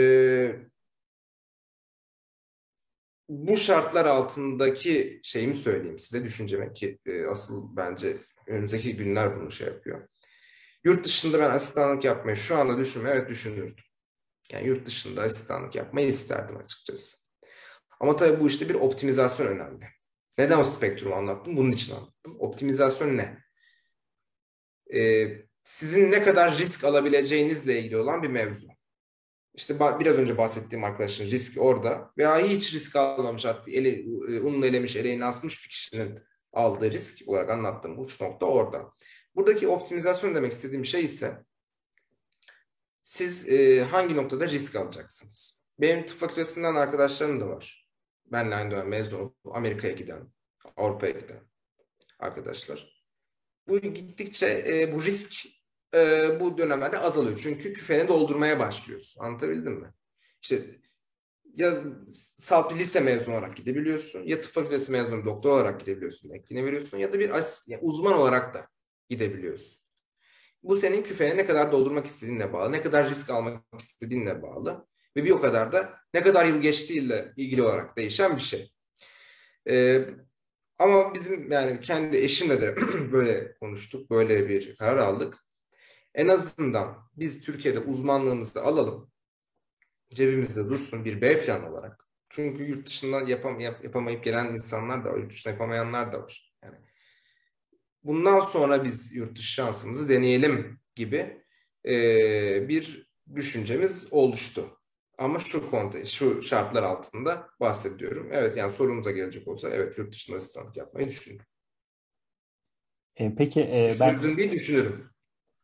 Tamam. Bir daha olsa bir daha yaparım ben asistanlığı. E, ben böyle hocalarımız özgeçmişlerine baktığım zaman hep işte TUS birincisi, TUS ikincisi, okul birincisi, okul evet. ikincisi gibi böyle bir şey varken e, evet. son zamanlarda Kanal Sakı ve Doğum'un puanında böyle istikrarlı bir düşüş gözlemleniyor. Bunu neye evet. bağlıyorsun abi? Şimdi şöyle oldu. yani o dönemden kadın doğum puanları düştü. Bizim dönemimizde bizim mezunlar, bizden sonraki mezunlardan sonra bir yükseldi. Şimdi bir daha düşüşe geçti. Mevzu şu. Kadın doğum hakikaten yani e, tabiri caizse maddi gelirsi iyi olan bir şeydir, branştır. Yani eğer siz özelde çalışırsanız, fark yaratan bir insan olursanız, yani düz, normal uzman olsanız bile hakikaten maddi açıdan, yani performans sistemi şeyinde konuşuyorum. Maddi açıdan getirisi oldukça iyidir. Tatmin edici bir branştır onun dışında. Yani e, bir en başta konuştuğumuz şeyler, yani kendi içinde izole olması, kendi işini yapması, çok da fazla saha barındırması, kendini geliş sürekli kendini geliştirebileceğin ve sonuç alabildiğin, net bir sonuç alabildiğin bir branştır. Bizde işler nettir. X artı Y eşittir Z. Nettir yani. Anlatabildim mi? O yüzden hem yani birçok maddi manevi tatmin yaşadığın bir dal olması ve bu kadar e, gelişmeye açık bir dal olması sebebiyle çok tercih edilen e, tabii ki yine ilk bahsettiğimiz bu kadar eski köklü branş olması gerekiyor. Çok tercih edilen bir branş olmuş zamanında. Ee, ve o birinci, ikinci diye bahsettiğin kişilerin çoğu da bu işi severek yapan insanlar. Hakikaten bu motivasyonla, saydığım motivasyonlarla bu işe girmiş, bu işi severek canı gönülden yapan insanlar. Şimdi peki niye düştü? Bunun e, hep aramızda konuşuluyor, sizin aranızda da konuşuluyordur. Çeşitli nedenleri var ki en büyük nedenlerinden bir tanesi. Artık genel olarak sadece kadın doğum için konuşmuyorum. Türkiye'de biraz önce bahsettiğimiz nedenlerden dolayı hukuki meseleler, çalışma şartları, işte e, maddi beklentiler bu sebeplerden dolayı insanlar artık bir kar zarar dengesi yapmaya başladı. Bunu yapan bizleriz, sizleriz, sizden sonrakiler. Ne diyor? Şimdi e, biraz bizim Hacettepe tutucudur bilirsiniz. Yani biraz şeydir. E, dogmatik demek istemiyorum ama klasiktir yani. Onun bakışı nettir. Ama nesil değişiyor. Nesil değiştiği için neslin beklentileri değişiyor. Yani sizin bizim anamızın babamızın beklentileri farklıydı. Bizim beklentilerimiz farklı. Bizden sonra gelenlerin de beklentileri farklı olacak. Ve insanlar bu anlattığım nedenlerden dolayı artık bir kere zarar ilişkisi yapıyor. Dengesi kurmaya çalışıyor. Aynı parayı kazanabileceği ama daha az efor sarf edeceği, daha az risk alabileceği, daha rahat edebileceği çalışma şartları açısından branşlara kaymaya çalışıyor. Anlatabildim mi? Temel sebebi bu. Ama beyin cerrahi, kalp damar cerrahi, kadın doğum, çocuk cerrahisi bunlar riskli, yoğun, zor branşlar. Ve e, yeni nesil bunun kar zarar dengesini yapmaya çalışıyor. Eleştiriliyor. Hayır bu eleştirilecek bir şey değil. Ben sonuna kadar hak veriyorum. Dünya değişiyor. Nesil, anlayışlar, nesil değişiyor, beklentiler değişiyor. Bu işte bu şekilde değişiyor. Yapacak bir şey yok. Bu böyle. E, ve ben özellikle ben rahat etmek istiyorum kardeşim. Ben şey yaptığın zaman tıp fakültesinden mezunum. Uzmanlığımda ben rahat etmek istiyorum. Nöbet tutmak istemiyorum. Hasta görmek istemiyorum. Parası önemli değil. Hasta görmek istemiyorum. Nöbet tutmak istemiyorum. Risk almak istemiyorum. Yüzde yüz hak veriyorum bundan. Neyse o. Ama şu unutulmaması gerekiyor bence. Bu kendi görüşüm. Bu genel geçer şu anki durum. Ama benim kendi görüşüm şu. Gerçekten mutlu olabileceğin, seni tatmin edecek. Ya bugün de yorulduk ama iki gündür uyumuyorum ama iyi oldu be diye, diyebileceğin yani seni gerçekten tatmin eden manevi, maddi manevi ki manevi daha fazla e, dala yönelmesi çok daha önemli. Ha arkadaş bu saydım nedenlerden dolayı mutlu oluyorsa yine okey. Anlatabildim mi? Bana ne? Ben rahat etmek istiyorum. Yani risk almak istiyorum. Çok mutluyum diyorsa eyvallah. Mutluysa mutlu olacağın işi yapacaksın. Bir insan çünkü mutlu olacağı işte başarılı oluyor. Ha, şimdi yani bunu söylemek istiyordum. Söyleyeyim mi? Söyleyeyim. Dünyaya bir daha geldin. Doktor olur musun? Olmam. Dünyaya bir daha geldin. Muhakkak doktor olacaksın. Ne doktor olmak istersin? Yüzde yüz kadın doğumcu olur. Anlatabildim mi? Yani e, çok severek yapıyorum. Çok mutluyum. Çünkü e, umarım siz de geleceğin kadın doğumcular olarak o benim aldığım tadı veya bizim hocalarımız aldığı tadı siz de alırsınız. E, ve son bir kez daha uyarmak istiyorum. Puanlar düştü. Ama puanın buna yetiyor. Hadi kadın doğum da iyidir diye yazılacak bir branş değil. Ne kadın doğum böyle. Kalp damar cerrahiyle, beyin cerrahiyle yapacaksınız büyük ihtimalle bu böyle bir sohbet. Onlar da aynısını diyecektir. Bu branşlar bu şekilde yazılacak branşlar değil. Gerçekten mutluysanız yazın. Önemli olan şey çünkü mutluluk. İnsanın mutlu ve huzurlu olduğu yer. E, ekonomide bir tabir vardır. Piyasa kendini dengeler diye. Ben de bir süre düştükten sonra tekrar yükseleceğini düşünüyorum açıkçası kadın doğum puanlarının ve kadın doğum Öyle bir trend vardı aslında. Evet öyle bir trend vardı. Mesela ben e, kendi TUS'ta 400 küsürüncü olmuştum. E, bizim dönemimizde biz 3 yaş kıdem girdik. Murat ben Rüya. Murat 69 ile girdi mesela. Ben 66 ile girdim. Rüya da 66 ile girdi. Sıralamalarımız da bu şekildeydi. Ben 400 küsürüncüydüm. Rüya da öyle. Murat 300'lerde veya 200'lerde olması lazım. Öyle bir şeydi. E, peki bölümünüzde malpraktisle karşılaşılan bir durum var. Lisans seviyesinde belki olmayabilir ama hocalarımızın bu anlamda çok gözlemlediğin sıkıntıları oldu mu abi? Şimdi şöyle, genel olarak e, kural şudur. Yani hukuki anlamda şudur. Komplikasyon ve malpraktis ayrımını biliyorsunuz. E, komplikasyon olur. Komplikasyon suç değildir. Yani siz ameliyatta laparoskopide bağırsağını deldiniz hastanın. Ondan sonra şey yaptınız. Fark ettiniz. Genel cerrahi çağırdınız. Onardınız. Hasta dava açtı. Benim bağırsağımı deldiler diye. Suç mu? Değil. Hiçbir şey de çıkmaz. Komplikasyon. Çünkü bunu bilerek giriyorsun. Ameliyata. Malpraktis dediğimiz şey ise senin yapmakla mükellef olduğun bir şey yapmama. Komplikasyonu görmeme, komplikasyon için kontrol etmemek hastayı. Anlatabiliyor Hasta kanıyordur. Umursamazsın, gitmezsin, bakmazsın hastana. Hasta ölür. Bu malpraktis. Anlatabildim mi? Ya da gebe daha sıkıntılı. Ultrason yapıyorsun. Bir anomali var ve anomalinin olduğu yere bakmışsın. Anomaliyi görmemişsin. Suç mu? Değil. Bakmışsın ama görememişsin. Olabilir. İstatistik. Yüzde bilmem kaç oranda görülmeyebiliyor. Atlanabiliyor. Normal. Ama bakmadıysa bu malpraktis işte. Ee, kadın doğum maalesef kendi e, şeyi olsun, fıtratı olsun böyle malpraktis ve komplikasyon açık bir dal açıkçası. Ama burada da bazı bizim savunma mekanizmalarımız var. En başta söylediğim şeylerden aslında. Bir, hasta. Mutlaka hastayı önemseyeceksiniz. Hastayı mutlaka önemseyeceksiniz. Poliklinikte bana hastalar geliyor. Dünya kadar devlet hastanesi bilmem ne do eğitim araştırmaya falan dolaşmış. O kadar hasta yoğunluğu var ki. Ha tamam anlat anlat tamam tamam hadi al şunu al git. Ya da gel tamam yarın ameliyat ediyorsun. Böyle bir şey yok. Anlatabildim mi? Hastalar da bunlar da böyle alıştıkları için bana geliyor poliklinikte. Böyle makine tüfek gibi dı dı dı dı dı dı dı dı dı dı sayıyor. Dedim durun sakin olun bakın şu an Hacettepe'desiniz. İlgileneceğim yavaş yavaş. Hasta ile ilgilenirseniz, hastayı dinlerseniz, rahatlatırsanız ve güzelce bilgilendirirseniz ve bunu bir yaptıklarınıza dair bunlarla ilgili onam alırsanız kolay kolay başınıza bir şey gelmez. Ve sonunda ihmal etmezseniz.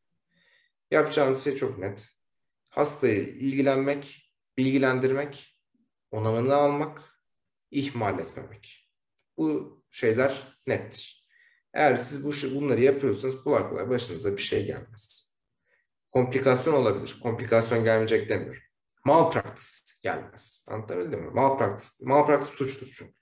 Sana tazminat da ödettirirler. Hapse de atarlar. Eğer hasta ölürse eğer hasta kanıyor ve sen bakmıyorsan bu e, bilinçli taksire girer. Bilinçli taksirle adam öldürmekten yargılanırsın. Hapse de girersin. Ama doktor olan bir kişi bunu yapamaz zaten. Anlatabildim mi? Yani bu işin felsefesine aykırı olan bir şey. Hastanı önemsersen, ona doğru bilgilendirsen böyle kolay kolay başına gelmez. Komplikasyon gelir mi? Gelir ama yapacak bir şey yok. E, peki Belli bölümde e, bölümde kıdemli asistan, çömez asistan, yan dal asistan, e, hoca asistan arasında bir mobbing var mı? Hiç böyle bir gözlemin oldu mu abi? E, mobbing e, şimdi şuna ayırmak lazım. Bunlardan birincisi cerrahi branşta özellikle daha belirgin olmak üzere hiyerarşi önemli bir şey. Tüm memuriyet sisteminde bu aslında böyledir. Amir memur ilişkisi vardır. E tabi e, bu askeriye de çok daha belirgin bizim maalesef doktor arasında çok çok daha belirgin oluyor. Ama bir yandan da bu önem arz ediyor. Hiyerarşi çünkü bir yerde hiyerarşi olması bir yönetim şemasının olduğunu göstergesidir. Ve yönetim şeması olması düzen olması, düzen olduğunun göstergesidir. E bir yerde düzen varsa hata az olur. Bizim işlerimizde de hatayı azaltmak için böyle bir hiyerarşik yapılanma var. Çömezden hocasına kadar. Birinci yıl asistanından hocasına kadar. Ama tabii ki e, belli değerler yani belli normlar dahilinde. Ne bunlar? Etik değerler, ahlaki değerler, sevgi, saygı. E, bunlar önemli. E, ben hiçbir zaman öyle bir mobbing ciddi anlamda. Yani bir mobbing tanımı olması için 6 ayda devam etmesi gerekiyor bir davranışın. Mobbing şeyi görmedim. Ne kendim gördüm ne başkasına gösterdim. Ve kendim öyle bir şey tatbik etmedim açıkçası. Hacettepe için konuşuyorum. Ama maalesef Türkiye'de böyle şeyler sadece kadın doğum değil, başka hastanelerde, başka branşlarda oluyor. Ee, o da maalesef biraz insanların eline güç geçmesiyle, içindeki kişinin ortaya çıkmasıyla alakalı bir şey. Ama e, önemli olan şey insan sevgisi. ortak bir amaç uğrunda çalıştığını unutmama ve bu hiyerarşide düzen için olduğunu, yoksa başka hiçbir üstünlüğün olmadığını hatırlama. Ama ben Hacettepe için konuşursam öyle bir mobbing falan görmedim yani. Elbette ki gerginlikler yaşanıyor, şeyler oluyor. Bu ama her iş ortamında olur. Mobbing değil. Ama öyle bir mobbing anlamında bir şey görmedim. Tamamdır. Ee, peki hiç senin veya bölümdeki birinin e, şiddete uğradığı, herhangi bir şekilde şiddete uğradığına tanıklık ettiğin oldu mu? Yani benim e, internlüğü de katarsak bu 5 e, yıllık aktif hekimlik döneminde öyle bir e, yani o haberlerde gördüğümüz gibi bir şiddet şey yaşadığını ben görmedim. Ama o şiddetler neden yaşanıyor? Bir insanların şeyinden yaşanıyor. Artık hakikaten doktorlara karşı güdülen o politikadan yaşanıyor. Yani insanların hem geçim derdi olan bu kadar yarı aç insanın çok olduğu bir ülkede insan saldırganlaşıyor. Yani sizi bir hafta o şekilde yaşatsak, herhangi kimse yaşatsa o şeye geliyor o insan. E, ona dikkat etmeyin. Diğer bir maalesef e, doktorlar pürü bakma değil. Sağlık çalışanları. Hastasını önemsemeyen, anladın ya da iş yoğunluğu nedeniyle iş yoğunluğu nedeniyle ve artık bunalmışlığın getirdiği şeyle ihmal edebilen durumlarda işte bunlar karşılaşınca böyle şiddet olayları oluyor. Ben hiçbir zaman öyle ciddi bir şiddet olayı yaşamadım. İnşallah da yaşamayız. Hiçbirimiz yaşamayız. Görmedim. Yani tabii bağırışma, çağrışmalar oldu. Ama e, dediğim gibi yani, peki doktor olarak ne yapabiliriz böyle bir vakada? Böyle vakalarda. Önemli olan şey e, ortamın yine sen üstte olduğun için ortamı sen yöneteceksin. Sen şeyi sağlayacaksın. Burada sükuneti sağlayacaksın. Yakınını falan bilgilendireceksin. Ve e, Türkiye Cumhuriyeti Devleti'nin bu şekilde en iyi yerinde bu şekilde olabildiğini şey yaparsan anlatırsan hasta da şey oluyor. E, tabii bu sözel tartışma için söylüyorum. E, peki asistanlıktan istifa eden oldu mu? Ee, senin gözlemlediğin ya daha öncesinde. Oldu. Oldu. E, sayısı neydi? Sebepleri neydi? Hatırladığın veya bildiğin kadarıyla. Ee, şimdi benim asistanlık sürecimde şunu şöyle başlayayım. İntern sürecimde çok sevdiğim bir arkadaşımdı zaten. Benden yaşça büyük. Diğeri de sevdiğimiz bir abimizdi. Bir kişi istifa etti. Bir tanesi hakikaten kadın doğumcu olmak istemediğini anladı. Başka bir branşa geçti. Diğeri ise o zamanki ortamı çok e, doğru bulmadı. Huzursuz oldu. Ondan istifa etti. Benim asistanlığım döneminde ise benim bir alt kıdemli olan bir arkadaşım istifa etti. Yurt dışına gitti. Yurt dışına gitmek için istifa etti. Bir e, daha alt gidenlerde bir arkadaşım ise e, hiçbir sıkıntım yok, gayet mutluyum ama ben kadın doğumcu olmak istemiyorum dedi. Ondan istifa ettim. Ama öyle bir mobbingden, önündeki gerginliğinden, şeyinden e, öyle bir şey olmadı. Tamamdır abi. E, peki hastalar tarafından asistanlara cinsiyetçilik yapılıyor mu? Hani bana erkek doktor bakmasın gibi bir durum oluyor mu? Şimdi şöyle Hacettepe, daha sonra Ankara, e, İç Anadolu bu açıdan en az sıkıntı çektiğiniz yer. E, hasta profili çok iyidir burada. Hakikaten Anadolu, İç Anadolu insan hasta profili iyi oluyor. Çünkü daha böyle işbirlikçidir, sakindir. Güzelce anlatırsan, biraz samimiyet kurarsan seni dinler, dediğini yapar, e, mutlu olur, minnettar kalır, teşekkür eder, iyidir. Ve doktor onun için doktor olması önemlidir hakikaten Anadolu insan için. Tek tük olur burada o cinsiyetçi vakalar. Ama ben e, 6 ay pratisyen hekim olarak zorunlu hizmette İstanbul'da çalıştım. E, Marmara'da. Mar Pendik Eğitim Araştırma Hastanesi'nde. Ve oranın hasta profili e, biraz sıkıntılıydı bu konuda. Kadın doğum, oranın kadın doğum kliniğinin sadece bir tane erkek asistanı vardı. Ve çocuk poliklinikte hasta bakamıyordu. Bak, bakmıyor değil, bakamıyordu. Hayır, hayır. Bazen kadın doğum, kadın doktor bakacak diyordu. Oranın hastaları. Bu gittiğinize göre biraz değişir popülasyona göre. Anladım abi. Ee, peki e, bu kadın doğumun genel yoğunluğunda kendine, ailene ve yapmak istediklerine yeterince zaman ayıramadığını hissettiğin oluyor mu veya yeterince zaman ayırabildiğini düşünüyor musun abi? Şimdi şöyle e, özellikle cerrahi asistanlıklar, kadın doğum için tüm cerrahi asistanlıkların ilk bir iki senesi biraz şey geçer. E, yoğun geçer. Üç güne bir nöbet, geri geliyor gün aşırı nöbet e, ve sadece iş ev arasında mekik dokumak zorunda kalabiliyorsun. E, bu nedenle o dönemlerde evet ayıramadığım, yani kendime vakit ayıramadığım, aileme vakit ayıramadığım zamanlar oldu. Ha bu sürekli mi? Allah kahretsin sürekli böyle şey değil. Yani bu da önemli olan yaptığın işi sevmek tabii. Yine ona çıkıyor. Yaptığın işi seviyorsan sana zul olarak gelmiyorsa bu yani çok önemsemiyorsun. Yani biraz evet yani e, yaşıtlarını veya farklı yaşıtlarını farklı mesleklerde çalışan kişileri görünce biraz e, bir burukluk oluyor mu? O değil tabii ki ama yaptığın işi sevdiğin zaman öyle çok koymuyor.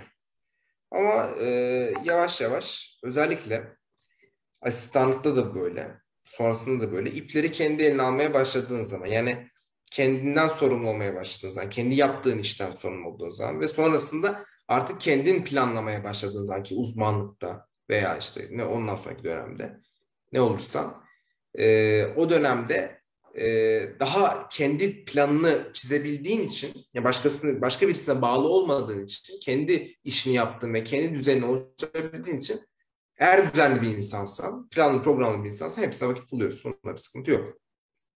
Tamamdır. Ee, biraz artık karanlık konulardan e, daha çok teknik konulara geçelim. Ee, biraz daha hızlı ilerleyeceğimizi düşünüyorum bunlarda. Ee, bölümün yan dalları neler? Hangi yan dalı niye düşünüyorsun abi? Ve yan dalların süreci işte e, iki yıl, bir yıl işte kursla yapılan şekilde nasıl işleyiş oluyor? Şimdi şöyle, e, kadın doğum yan dalı Türkiye'de resmi yan dal. Yani tıpkı uzmanlık kurumunun belirlediği yan dal iki tane. Jinekoloji, onkoloji cerrahisi ve perinatoloji. Ülkelere göre bunlar farklılık gösteriyor. Mesela Amerika'da bu iki saydıklarına ek olarak REI yani reproduktif endokrinoloji ve infertilite ve female pelvic reconstructive surgery yani ya da diğer adıyla ürojinekoloji bunların içerisine geliyor. Ama temelde zaten e, işleyiş yani pratikte e, bu dört ana e, dalda çalışıyor zaten şeylerde. Dört bu gayri resmi yan dalda çalışıyor. İkisi resmi, ikisi gayri resmi yan dalda çalışıyor. Şu anki kadın doğumcular bir yerlere uzmanlaşıyorlar yani. E, klasik kural şöyledir. E, bir e, eğer uzmanlık süresi 5 yılsa bunun yan dalı 2 yıldır. Mesela ne olsun? Nöroloji olsun mesela. Anladın Nörolojinin e, şey nöroelektrofizyoloji yan dalı var mesela onların. 5 yıl nöroloji 2 yıldır. Ama kadın doğum 4 yıl olan bir branş demiştik. 4 yıllarında 3 yıl, 4 artı 3, 7, 5 artı 2, 7 şeklindedir. Yani kadın doğum bir yan dalı 3 yıldır. Yani perinatolojiye de girseniz, jinekolojik onkoloji cerrahisine girseniz bu 3 yıldır. Yan dalları neler üzerine çalışır? Jinekolojik onkolojik cerrahi e, tüm işte over kanserinden tutun tuba şey, şey endometrium e, kanserleri, servis kanseri, vajen vulva kanserleri gibi tüm anatomik yapıların kanserine cerrahi e, yönetimiyle ilgilenir. Perinatoloji, maternal fetal tıp, anne sağlığı, bebeğin sağlığı ile ilgilenen riskli gebeliklerle uğraşır. E, ürojinekoloji ve perlik taban cerrahisi e, daha çok işte bu sarkma ameliyatları, idrar kaçırma operasyonları gibi e, kabaca amyan tabirle söylüyorum. Bu ameliyatlarla uğraşır. E, reproduktif endokrinolojide ne ameliyat tüp bebekçiler zaten e, temelde pratikte, pratikte bu e, dört ana branş, dört yan e, dalla uğraşan hekimler var. Ben niye jinekolojik onkolojiyi tercih ettim? Şundan dolayı ben aslında dönem 1'de e, tıbbi biyoloji stajı almıştım. Laboratuvar işlerini biraz öğreneyim diye. Dönem 2'de yani yaz yazları, dönem 1 yazı. Dönem 2 yazında İstanbul'a gittim, Çapa'ya.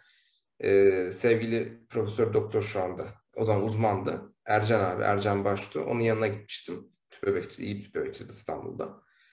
E, kendisinin e, Çapa'daydı o süreler kendisi.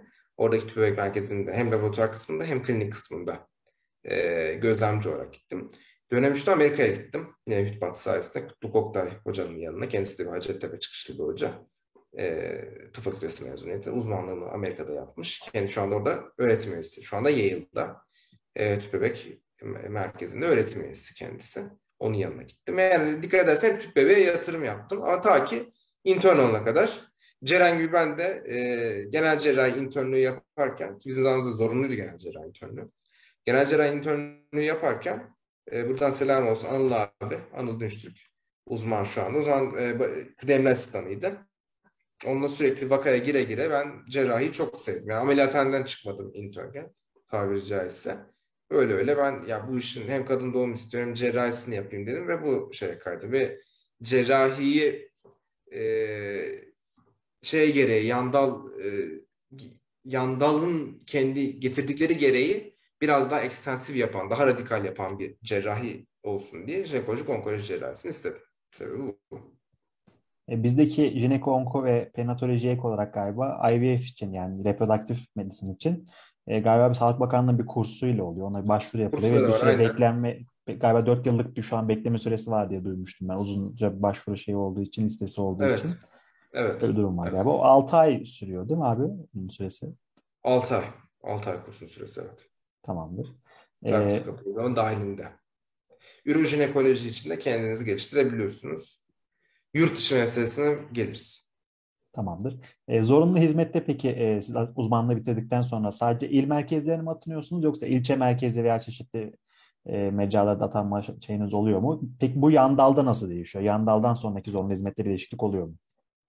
E, şimdi bu kadın doğum için şöyle söyleyeyim. E, bizdeki yani nerede devlet hastanesi varsa oraya gidersin. Açıkçası anlatabildim mi? İlçede olur, ilde olur. Fark etmez. Kadın doğum uzmanı e, herhangi bir yere gidebilir. Yani doğumhanesi olsun, ameliyathanesi olsun yeterli.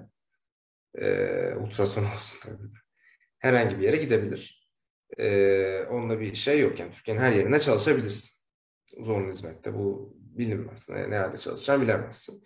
Genelde şöyledir yani kadın doğumu çok belirgin değil ama özellikle dahiliye, pediatri gibi yan dalları çok daha belirgin olan branşlarda daha çok e, yan dal e, uzmanı zorunlu hizmette şeye gider. İl merkezlerine gider. İl merkezlerine büyük hastanelere gider. Atıyorum Amasya Eğitim Araştırma Hastanesi mesela. Tamam mı? Öyle, oraya gider mesela yan dalcı.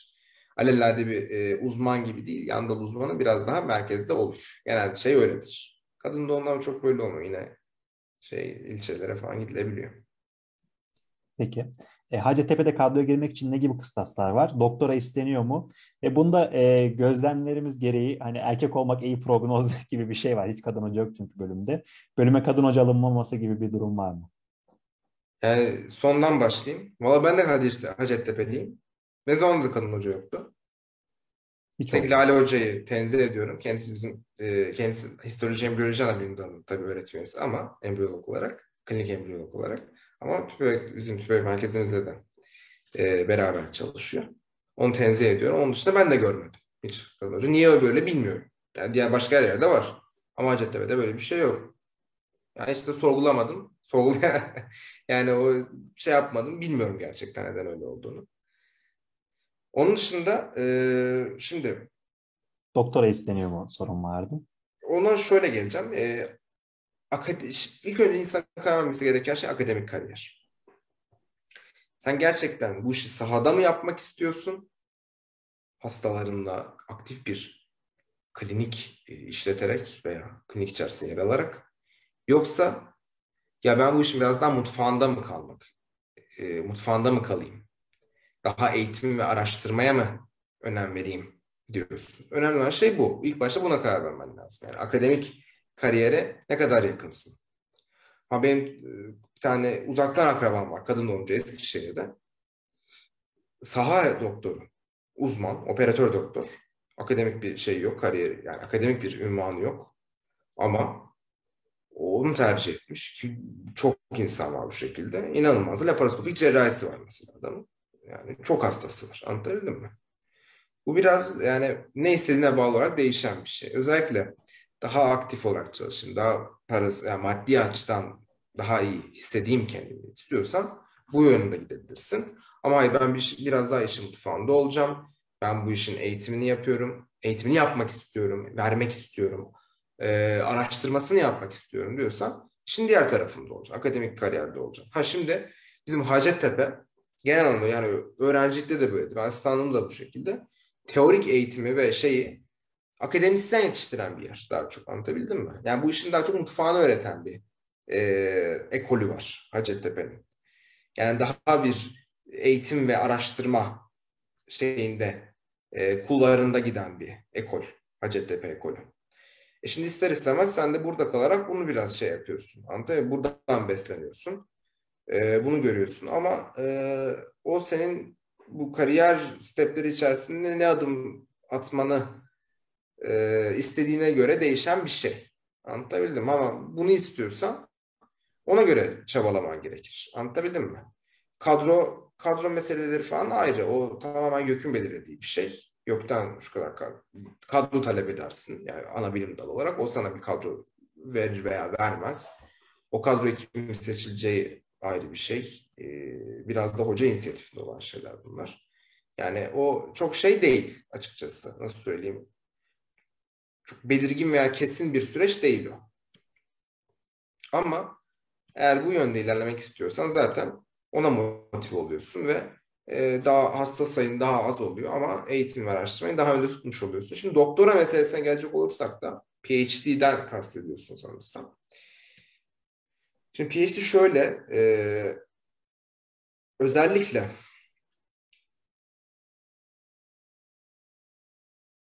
kadın doğum için değil e, belirgin olması. Bu e, şey nörolojide veya dahiliyede işte onkolojide daha çok belirgin. Çünkü daha çok bu e, ya temel bilim şey daha e, temel bilim klinik bilim geçişinde olan insanlar işte mikrobiyologlar, biyokimyacılar gibi veya özellikle onlara tahsis edilmiş enstitüler bulunan ki bizim Hacettepe'den örnek veriyorum. Nöroloji mesela nöro, nörobilimler enstitüsü veya şey onkoloji, onkoloji enstitüsü gibi onlara en, enstitü tahsis edilmiş olan branşlarda olmadıkça çok PhD'ye çok e, gerek var mı? Bence çok yok. Çok yapılması gereken bir şey değil bence. Çünkü dikkat ederseniz e, bu galiba ne ivermektini bulan bir Çinli bilim insanı var. Kadın. Kadın hiçbir ünvanı yok. Kadın bilim insanı. Çünkü bilim yapmak istiyorsan yaparsın zaten. Bu bir e, ünvana gerek illaki duyman gerekmez. Bilim yapmak istiyorsan yaparsın ve e, MD ünvanı, Doctor of Medicine ünvanı gayet yeterlidir bu işi yapmak için, bilimini yapmak için. Ha, iki sebepten bu kadın doğum bünyesinde tercih ediliyor. Mesela biraz, biraz önce bahsettiğim Kutlu Koca gibi. Kutlu Koca özellikle de kadın doğumda da reproduktif endokrinoloji ve infertilitede e, tabii daha dahili ve daha e, gelişme, teorik gelişme açık bir branş olduğu için insanlar bunun mutfağında görev almak istiyorlar. Ve e, PhD onlar için bir e, bu işlerin daha işte laboratuvar ve mutfak kısmında da amiyane tabirle e, görev alabildikleri bir kapı açıyor. En azından PhD yapıldığı zaman bu işin ben e, nasıl geliştirebilirim onu öğrenmiş oluyor bu insanlar. Anlatabildim mi? Yani klinik araştırmalardan bağımsız olarak. Yani ya da klinik araştırmalar için fikir yaratması açısından, oradaki bakış açısı olmasını öğrenmek açısından bunu yapıyorlar. Daha çok kadın doğumda e, tüp bebekte bu oluyor. E, yani tüp bebeklikle uğraşan kişiler bunu tercih ediyor. Ama, ama tabii benim literatürden bildiğim ve ismen de duyduğum şey mesela Anna Fagotti var mesela şey e, kanser cerrahı. Ha kadının PhD'si var. Ya da benim tanıdığım e, birkaç kişi daha var Türkiye'de. PhD, anatomi PhD'ler olan kişiler var. Ha yapılır mı? Yapılır. E, burada da işte prestij dediğimiz ki özellikle Amerika'da çok önemlidir. E, prestij biraz daha işin içine giriyor. En azından orada ünvanın, MD ünvanında bir PhD ünvanı da görürsün. Ya da bu işin bilimini yaptığım anlaşılsın gibisinden öyle bir ikincilik getirisi de oluyor. Ama onun dışında yap, bilim yapmak isteyen yapar. Hiçbir engel yok. İlla PhD yapacağım diye bir şey yok yani. Kadın olduğu için konuşuyorum. Peki bizim bölümümüzde doktora eğitimi var mı? Yani hocalarımız tez danışmanlığı yapıyor mu? E, varsa nasıl bir işleyişi var ve sen doktora düşünüyor musun abi? Bizim bölümümüzde öyle bir e, doktora eğitimi yok. Master düzeyinde var. E, Sağlık Bilimleri Fakültesi'nde verilen birkaç master derslerine bizim hocalar gidiyor. Ama birebir master tezi şey yapmıyorlar. E, tez yönetimi yapanı ben bilmiyorum. Açıkçası yapmıyorlar diye biliyorum. Uzman tezi tabii onu saymıyorum. O bizim ayrı kendi şeyimizde. Ama master derslerine giriyorlar. doktora dersine giren var mı bilmiyorum. Doktora dersine giren daha ziyade şeyde oluyor. Nörolojide oluyor. Onkolojide falan oluyor doktora derslerine girenler. Ee, ama bizde yok doktora dersi. Master düzeyinde var. Master dersine giren var. Ben doktora yapmayı düşünür müyüm? Bir zamanlar düşünmüştüm. Ama e, benim daha çok çalışmak istediğim branş cerrahi temelli olduğu için yani çok doktoraya çok e, nasıl söyleyeyim öyle bir ünvana şu anda ihtiyacım yok diye düşünüyorum açıkçası. İleride belki prestij gibi e, için e, belki olabilir. İlla ki yani bunda bir geç kalmıştık. Yok, doktor istediğiniz zaman yapabilirsiniz. Kutluk Hoca 45-50 yaşında adam doktora yaptı yani. O şey değil. İstiyorsan yaparsın. İleride belki olabilir ama şu an böyle düşüncem yok yani. Tamamdır. Konuşmam, konuşmamız boyunca bahsettiğin sebeplerden dolayı pek çok alanda kendini yetkin hissederek mezun olacağını, e, asistanlık eğitimini bitireceğini varsayıyorum. Peki e, hangi alanlarda daha ileri çalışma yapmaya ihtiyaç duyacağını düşünüyorsun abi? Var mı böyle düşündüğün bir alan? Ve asistanlık sonrası veya yan dal sonrası e, yani bir hekim e, alanında kendini nasıl geliştirmeye devam eder? Bundan biraz bahsedebilir misin? Ee, şimdi şöyle, asistan dediğin şey aslında her şeyi dört dörtlük öğrenip çıktığım bir yer değil. Asistanlık know-how'u öğrendiğim. Anlatabildim mi? İki şey daha doğrusu. İki şeyi çok iyi öğrenmen gerekiyor. Bir, know-how. Yani bu iş nasıl oluyor kardeşim? Nasıl öğrenebileceğini öğreniyorsun. Bir o. İki, fundamental'lar, temeller. Anlatabildim mi? Bir konsept öğreniyorsun. Biz bunu uzmanlık diyoruz. Bir konsepte alışıyorsun. Şöyle söyleyeyim. Yani bir şey, bir çerçeve, bir yol haritası çiziyorsun kendine burada. Bir temel oturarak bir yol haritası çiziyorsun. Anlatabildim mi? Ve bunlara yeni yönler nasıl katabilirsin? Yeni dallar nasıl katabilirsin? Onu öğreniyorsun burada. Hiçbir asistan, asistanlık, hiçbir yani asistan yeni çıkmış uzman ben kadının dört dörtlük öğrendim, yalayıp yuttum diyemez. Dememeli de zaten. Anlatabildim mi? Buradaki temel öğreneceğin şey uzman olmak isteyen kişinin temel öğrenmesi gereken şey bunlar. İşin nasıl öğrenilmesi, nasıl yapılacağını öğrenilmesi ve temel sonra uzman olduktan sonra artık sana kalmış. Kişi nasıl kendini geliştirebilir? Bir kere ne istediğini bileceksin. Ne yapmak istediğini bileceksin. Öyle ha şu da iyiymiş, bu da iyiymiş diye olmaz. Yani mutlaka bu yüzden de biraz e, okumak, araştırmak gerekiyor.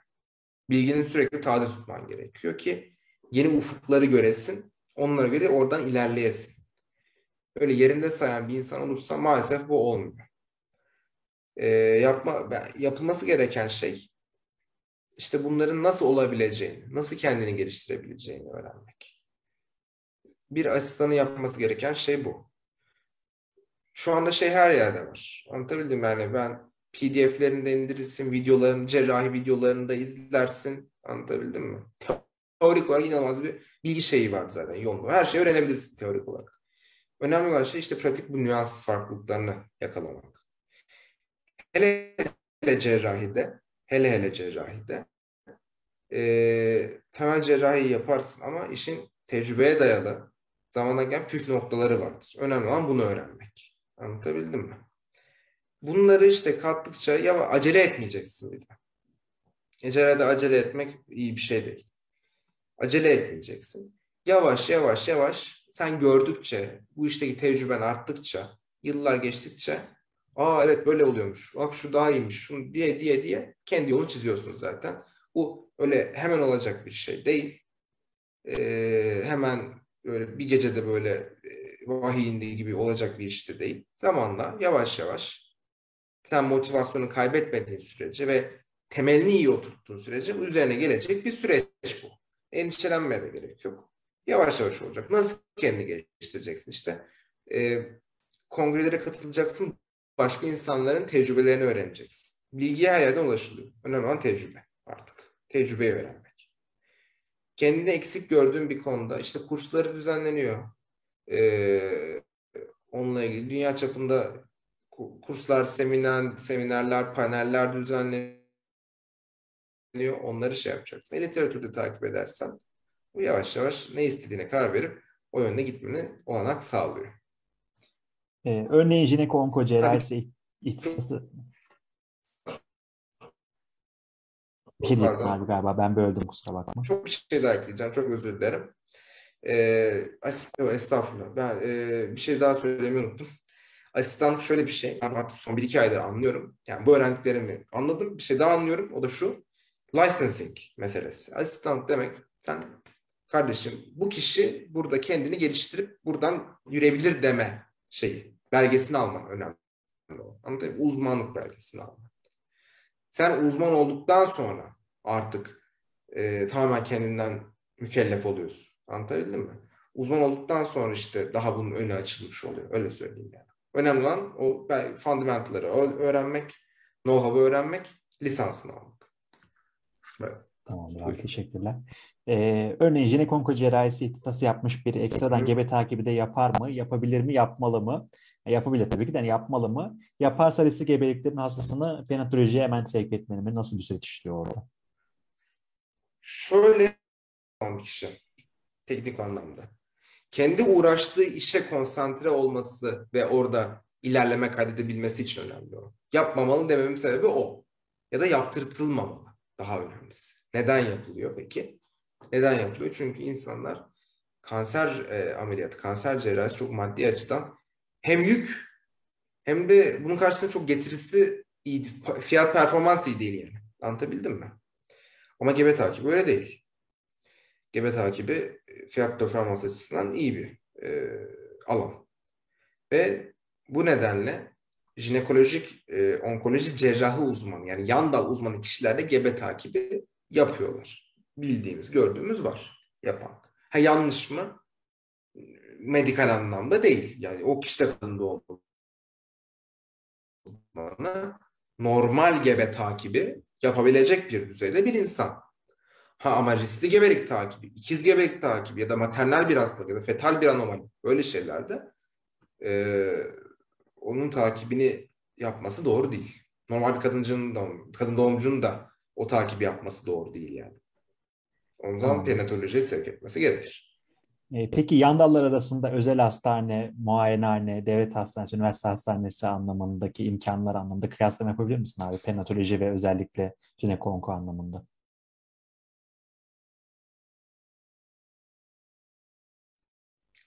Evet. Olanaklar açısından mı? Evet, olanaklar açısından.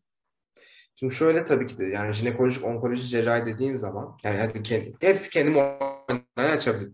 Şey değil nasıl söyleyeyim e, engel bir durum yok muayene açmaya.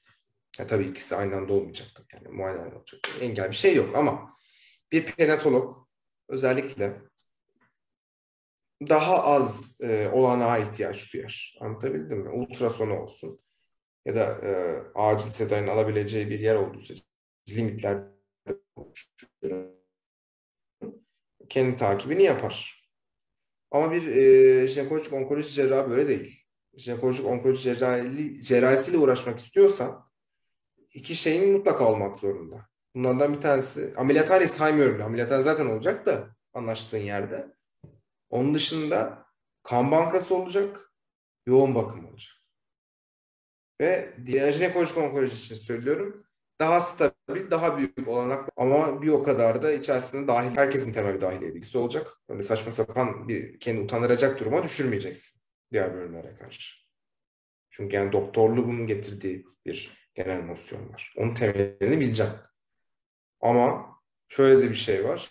Senin yaptığın iş daha izole, senden başka kimse yapamaz bu işi. Kim, kadın doğumcudan başka kim doğuracak? Ya da kadın doğum üyesi çalışan ebeler dışında. Hadi dahiliyeci iki gün rotasyona getir. Başka genel cerrahi, pediatrik. Olmaz. Yani kimse olmaz. Anladın mı? Senin yaptığın iş sana özel. O yüzden e, dışarıya bilginle, tıbbi bilginle ve yaptığın işle o duruşu sergilemen gerekiyor. Ama bu da e, uydurma olmayacak. Yani hakikaten dolu bir adam olacaksın. Yaptığın işin farkında kadın doğuma öyle ciddi bir şey bakışın olduğunu düşünmüyorum açıkçası. Kaldı ki bu pandemi döneminde bize çok güzel geri dönüşler oldu kadın doğum bölümü olarak. Tamamdır. E, son olarak toparlayacak olursak e, bu bölümü seçenler niye seçmeli, neleri göze almalı? E, kadın doğum düşünenler için tavsiyelerin var mı ve TUS anlamında tavsiyelerin var mı? TUS, kurs vesaire. Önemli olan şey tamamen mutluluğunuz, tatmin olmanız. Çünkü bir ömür yapılacak bir iş. Emekli olsan da yine özelde çalışmaya devam. Ölene kadar yapıyorsun yani. Bu sana yapışan bir şey. Kesinlikle ve kesinlikle bir hayat tarzıdır. Meslekten çok öte bir şey. Bir hayat tarzı. Gerçekten bu bir e, hayat tarzı. Mesle yani bir hayat tarzına alışıyorsunuz. Anlatabildim. Meslekten çok daha öte bir şey. Kadın yani kadın doğumcu tüm doktorluk zaten böyle şey. Kadın doğumcu daha da belirgin olan bir branş. Bir hayat tarzına alışıyorsunuz. Gerçekten mutlu olacaksınız. Gerçekten tatmin olacaksınız. Ve gerçekten kendinizi bu yönde geliştirmek istiyorsanız lütfen ısrar ediyorum yazın. Kadın doğumla ilgili olan kişiler olarak. Ama karşılaşacağınız şeyler söylüyorum e, hukuki meseleler. Suçlu olmayacaksınız dediklerimi şey yaparsanız ama bu hukuki e, meseleler karşınıza hep çıkacak maalesef. Benim şu anda asistan olarak bir iki tane şeyim var yani. Hukuki olarak dahil olduğum durum var. E, hep çıkacak, hep olacak. Bunlar yıldırmayacak size. Bir. iki her zaman nöbetlere e, mesai ve nöbet farksız her şeyin acil olduğunu bileceksiniz. Her şey acil olarak çözülmesi gerektiğini, her şeye acil olarak yaklaşılması gerektiğini ve hızlı reaksiyon alabilmeyi e, kendinize öğretmeniz gerekiyor. Bunu pekiştirmek gerekiyor. Üçüncüsü hiç bilmediğiniz, hiç beklemediğiniz anlarda, beklemediğiniz saatlerde ya da şimdi mi aranır dediğiniz saatte sürekli telefonunuz çalacak ileride. Benim bile şimdiden çalmaya başladı çalıyor, oluyor. Yapacak bir şey yok. Bu böyle. Ee, bunlara alış, alıştırmak da önemli. Bunları göze almak önemli olan. Asistanlığından uzmanlığına zor bir süreç ama gülü seven dikenine katlanır diye düşünüyorum. Zor bir süreç olmasına rağmen ben başka bir branş bilmiyorum ki çift canlı uğraşsın. Başka bir branş bilmiyorum ki bu kadar net sonuç, kesin sonuç aldı etsin ve başka bir branş bilmiyorum ki geçmiş olsun yerine hayırlı olsun desin. Anlatabildim mi? Çok güzel bir branş. Bir daha söylüyorum. Doktor olarak gelsem bir daha seçerim. Bir daha yaparım. Çok mutluyum. Umarım siz de hep böyle mutlu olursunuz. Umarım e, böyle güzel bir kulüp içerisinde birbirinizi gaza getirirsiniz. Ve e, kadın doğumcu olarak ileride meslektaş olarak çalışma fırsatı yakalarız sizinle. E, söylüyorum. TUS için e, söylemiştim. E, konuşmuştuk daha doğrusu. Arkadaşlar ben sizin yerinizde olsam e, konuştuğumuz gibi biraz daha yurt dışına yönelirim. Yani bunu da açıkça söyleyeyim. Yani TUS'a e, harcayacağınız emek, mesai, saat, para neyse ölçtü.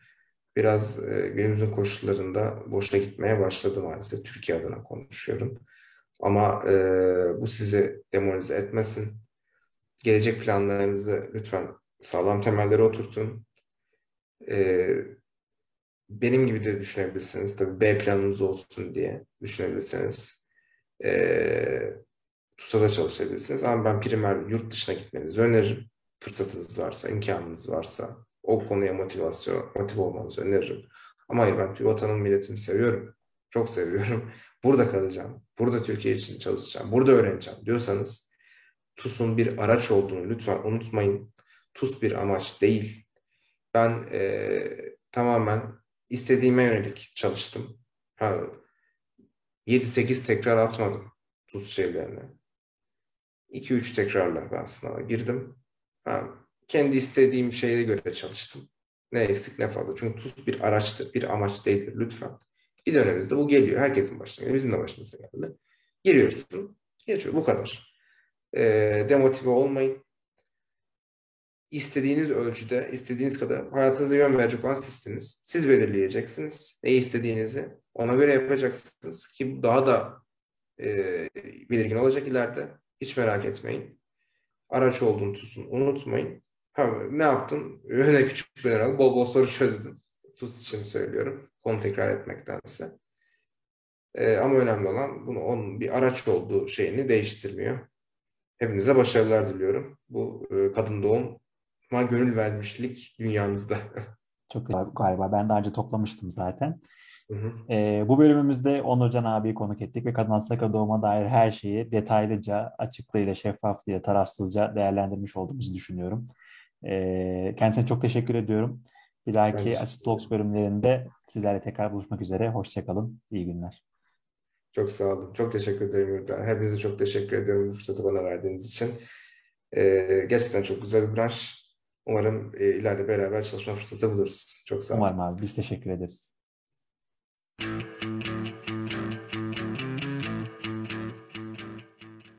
Merhabalar herkese. Ben Beyda Berberoğulları.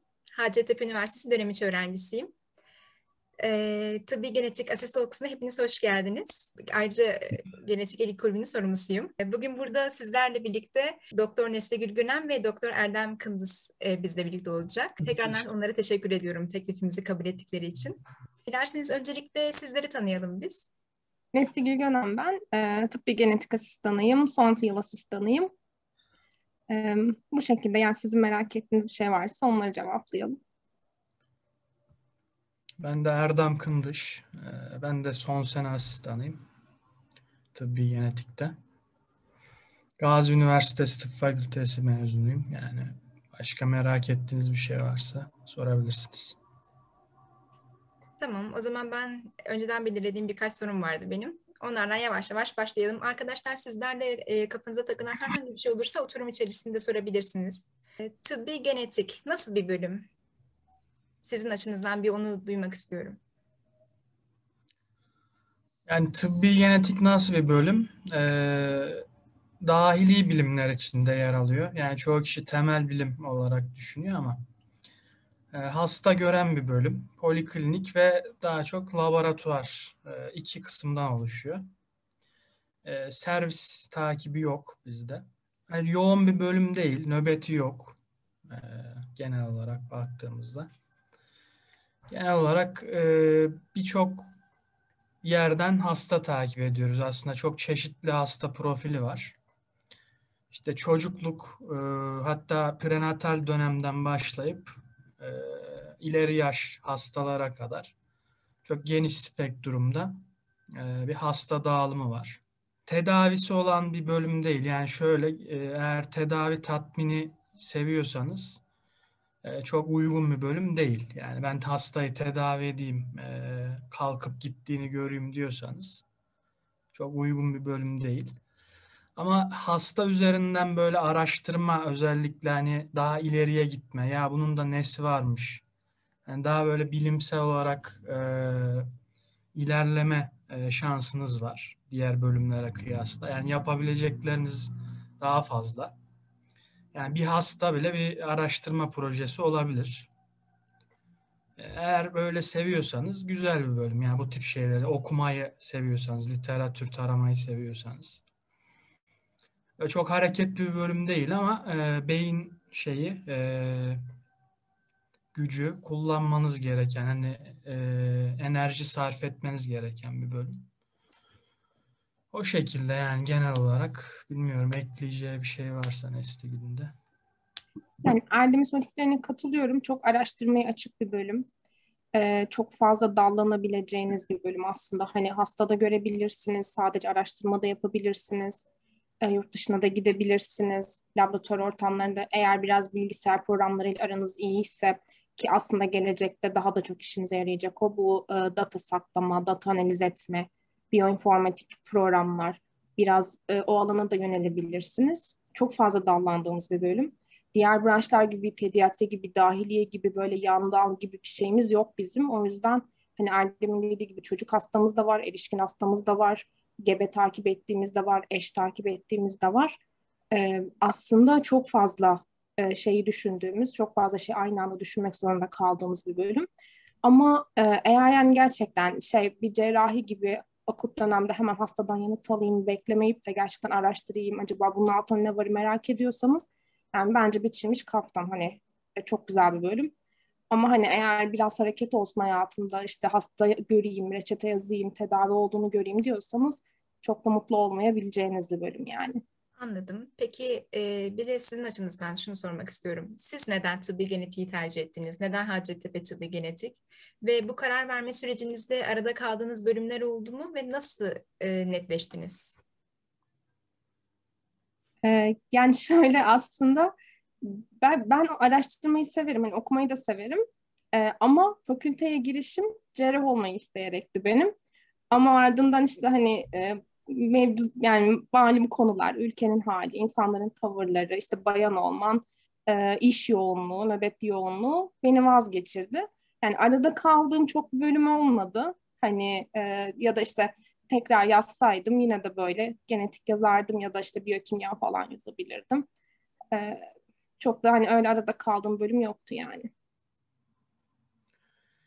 Yani benim için de aslında benzer. Ee, ben aslında uzmanlığa hazırlanırken ne olmak istediğimi bilmiyordum açıkçası. Yani kafamda net bir şey yoktu. Ee, ama işte ben TUS dershanesine giderken tıbbi genetikten bir oradaki hocamız bahsetmişti. Benim yani e, çok aklımda olan ya da ne bileyim göz önünde olan bir bölüm olmadığı için bilmiyordum açıkçası. Çok fazla bir bilgim yoktu. Ama orada hoca ayrıntılı bahsedince e, ya bu olabilir diye kafamda hep bir vardı yani şey olarak 5. sınıftan itibaren. E, sonra zorunlu hizmete gittim işte TUS'tan sonra. E, orada da daha da netleştim yani şey olarak acilde çalışıyordum ben. Yani ben çok sevmiyorum. Acil yapa, yapabileceğimi düşünmüyorum. Yapabileceğimi de düşünmedim o zaman. Ee, işte cerrahi de zaten öyle. Yani sürekli bir koşturmaca içinde. Ben daha çok öyle hani düşünerek bir şeyler yapmayı seven bir yapım var. Yani düşünerek adım atmayı seven bir yapım var ve yapıma daha uygun olduğunu düşündüm. O yüzden e, seçtim. Yani Hacettepe'yi niye seçtim derseniz e, ben Gazi mezunuyum. Gazi Tıbbi Genetik de iyidir. Yani oraya gittim e, ilk başta. Yani orada konuştuğumda hani bana e, artılarını eksilerini söylediler. İşte zaten o, o dönemde gittiğimde işte Ege, Hacettepe ve Gazi e, özellikle şeydi. Hala da öyle. E, tıbbi genetik branşlar içinde e, ön plandaydı.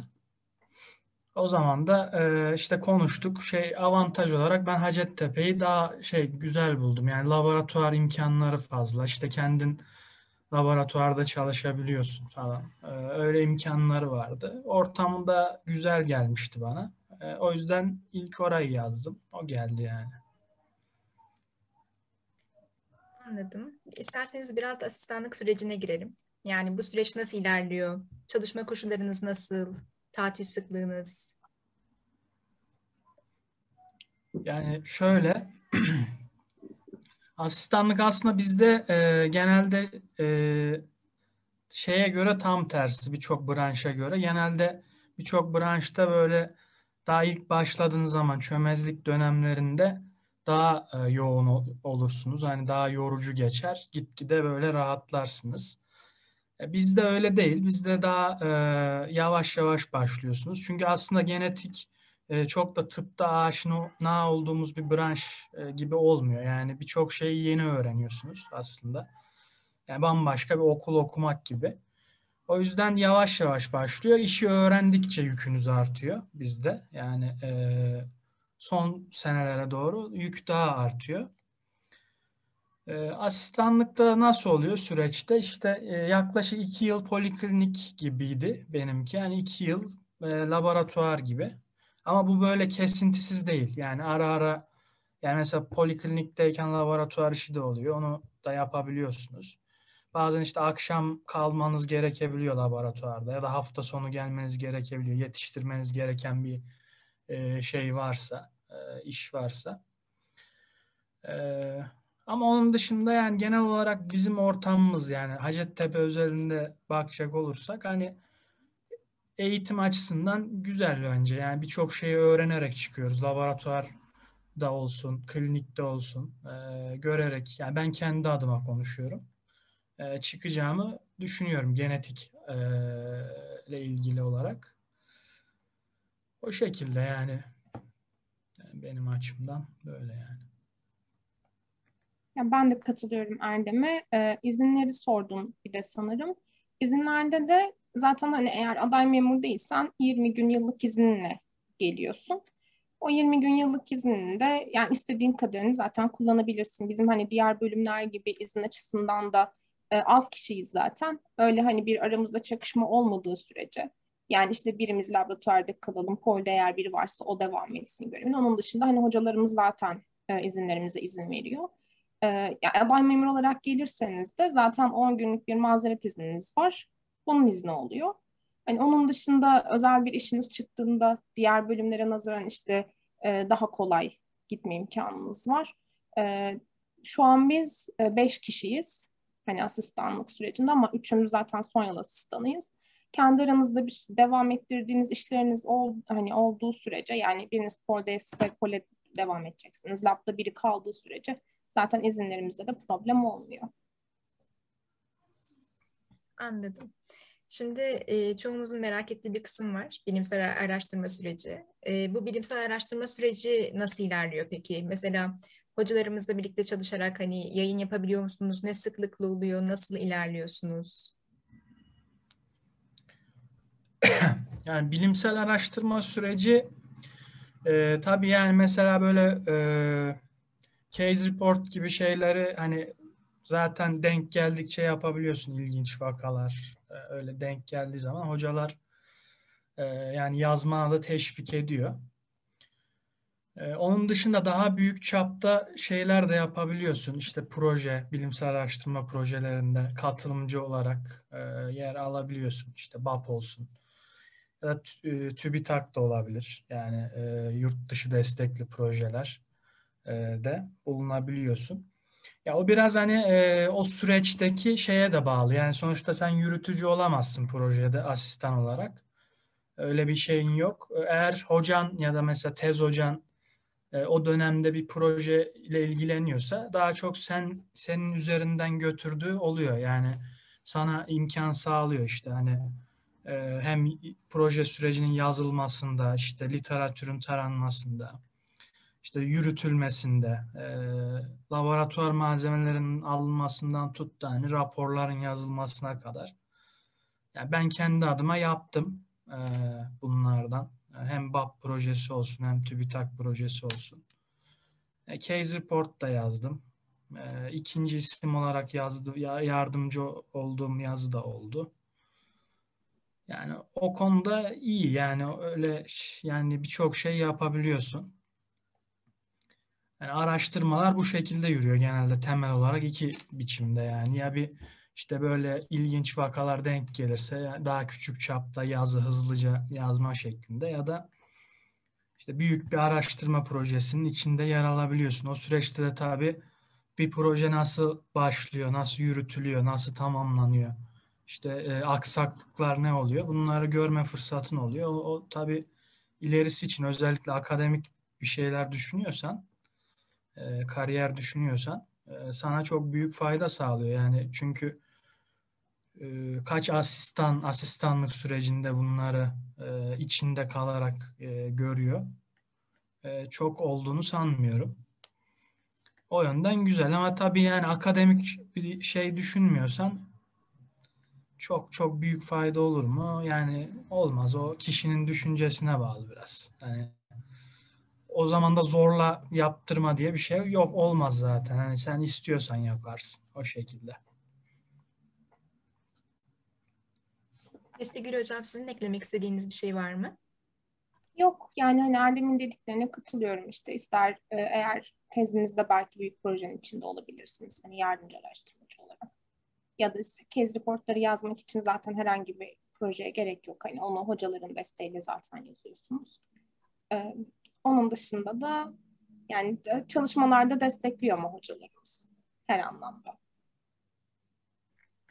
Peki sizin bu süreçte kendinizi geliştirmek için yaptığınız ya da yapmayı planladığınız şeyler var mı? Mesela yurt içi ya da yurt dışındaki kongrelere katılma gibi. Biz kötü bir döneme denk geldik aslında. Yani Covid sebebiyle hani bir sürü kez planladık yurt dışına ama bir türlü gidemedik. Yani iptal etmek zorunda kaldık ama e, yılda iki büyük kongre oluyor bizim. Hani genetik camiasında bir Avrupa'da bir Amerika'da. Yani biz ikisi için de hayal kurmuştuk. İkisi de olmadı bir şekilde. Ama onun dışında hani küçük kongreler oluyor. Hani daha mesela atıyorum e, eğer asistanınıza başlarsanız belli şeyleri de çalışıyorsunuz. İşte test konumuz oluyor ya da belli ilgi alanınız oluyor. Onların kongrelerine gidebilirsiniz. Yurt dışında da yurt içinde de. Biz daha çok yurt içindekilere katıldık asistanlığımız süresince. Ee, bilmiyorum bu saatten sonra yurt dışındakine gidebilir miyiz ama yani e, tabii böyle Covid olmazsa, her şey yolunda giderse, kur farkı bu kadar e, olmasaydı daha kolay olabilirdi yani yurt dışına da gitmek. Ama gidebilirsiniz yani senede en az iki kez gidebilirsiniz. Erdem Hocam ekleyecekleriniz var mı? Yani benzer zaten beraber yaşadık süreci çok bir fark yok aynen. Peki bu asistanlık sürecinde e, hani normalde, normal şartlar altında COVID pandemisini geçecek olursak e, bir yurt dışı imkanınız olabilir mi? Ya da bunu bize sağlayacak belli programlar var mı? Olabiliyor tabii. Yani zaten kongreler var bu bir. Bunun dışında işte küçük kurslar oluyor. Bu bir haftalık ya da aylık. Ee, onlara hani gidebiliyorsunuz. Hocalar bunları destekliyor zaten. Ee, ya da işte dediğim gibi ilgilendiğiniz bir konunun bir kursu olur, onu destekler. Ya da teziniz biraz daha bitirmişseniz, hani tezinizi erken dönemde bitirirseniz ya da işlerinizi yoluna koyarsanız, e, işte kendinize iki aylık ya da birkaç aylık kurslar oluyor. Hocaların da izniyle onlara da katılabiliyorsunuz. Evet yani bizden önceki dönemlerde katılanlar olmuş daha çok oluyordu tabii hem ekonomik olarak hem e, şey olarak işte bu Covid'den dolayı. Biz biraz şanssız bir döneme geldik. Ama yani evet yani biliyorsunuz yani 3 aylık da e, şey izniniz var yurt dışına gidip kalma izniniz asistanlık döneminde. Yani 2 ay galiba alabiliyorsunuz. İşte bir ayda yıllık izin gibi alıp alıp 3 ay gibi gidip işte istediğiniz bir alanda yazışıp e, birileriyle e, eğitim alabilirsiniz. İşte observer olarak falan gidebilirsiniz. O size fayda sağlar tabii hem bağlantı kurup e, işte yurt dışına gitmek istiyorsanız uzmanlık sonrasında e, bağlantı kurmanıza yardımcı olur. Hem işte yeni bir şeyler öğrenebilirsiniz onlardan. Ama biz yapamayan ben de yapamadım. Nesli Gül de olmadı. Yani biz bizim dönemimizde olmadı maalesef. Artık biz de uzman olunca falan e, yapabilirsek yapacağız yani. Biz de pandeminin etkilerini öğrenci açısından biraz yaşadık. İşte yaz stajı vesaire olarak. Hepimizi burada aslında evet. Ee, peki şeyi sormak istiyorum. Bu yani özellikle anladığım kadarıyla son senelere doğru yoğunluğunuz artıyor. Bu yoğunluğun arasında kendinize zaman ayırabiliyor musunuz? Ayırıyorsun tabii yani bir cerrahi branş gibi yani nöbet yok bir kere hani hafta sonu senin.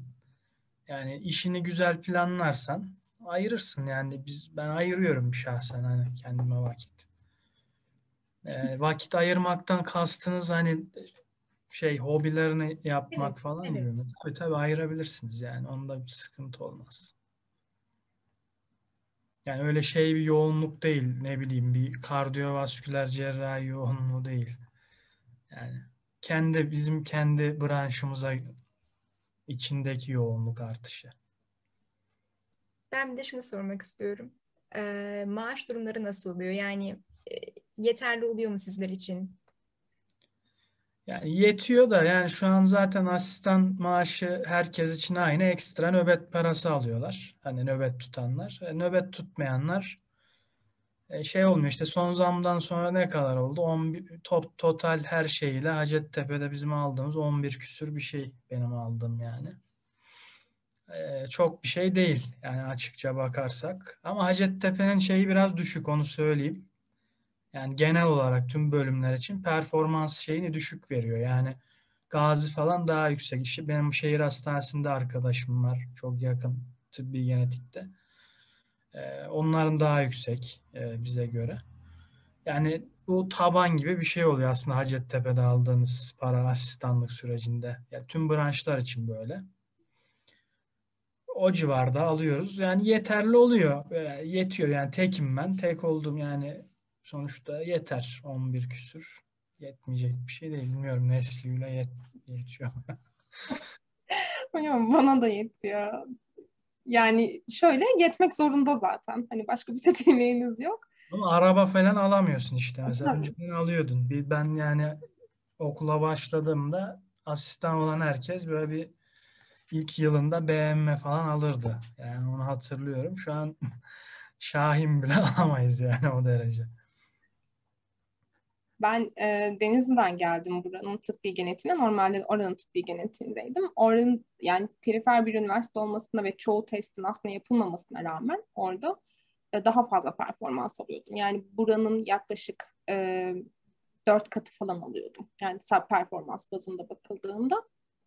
O anlamda evet hani hem Ankara gibi bir şehirde yaşıyorsun hem daha düşük alıyorsun ama Erdem'in dediği gibi yani Hacettepe özgü bir şey bu.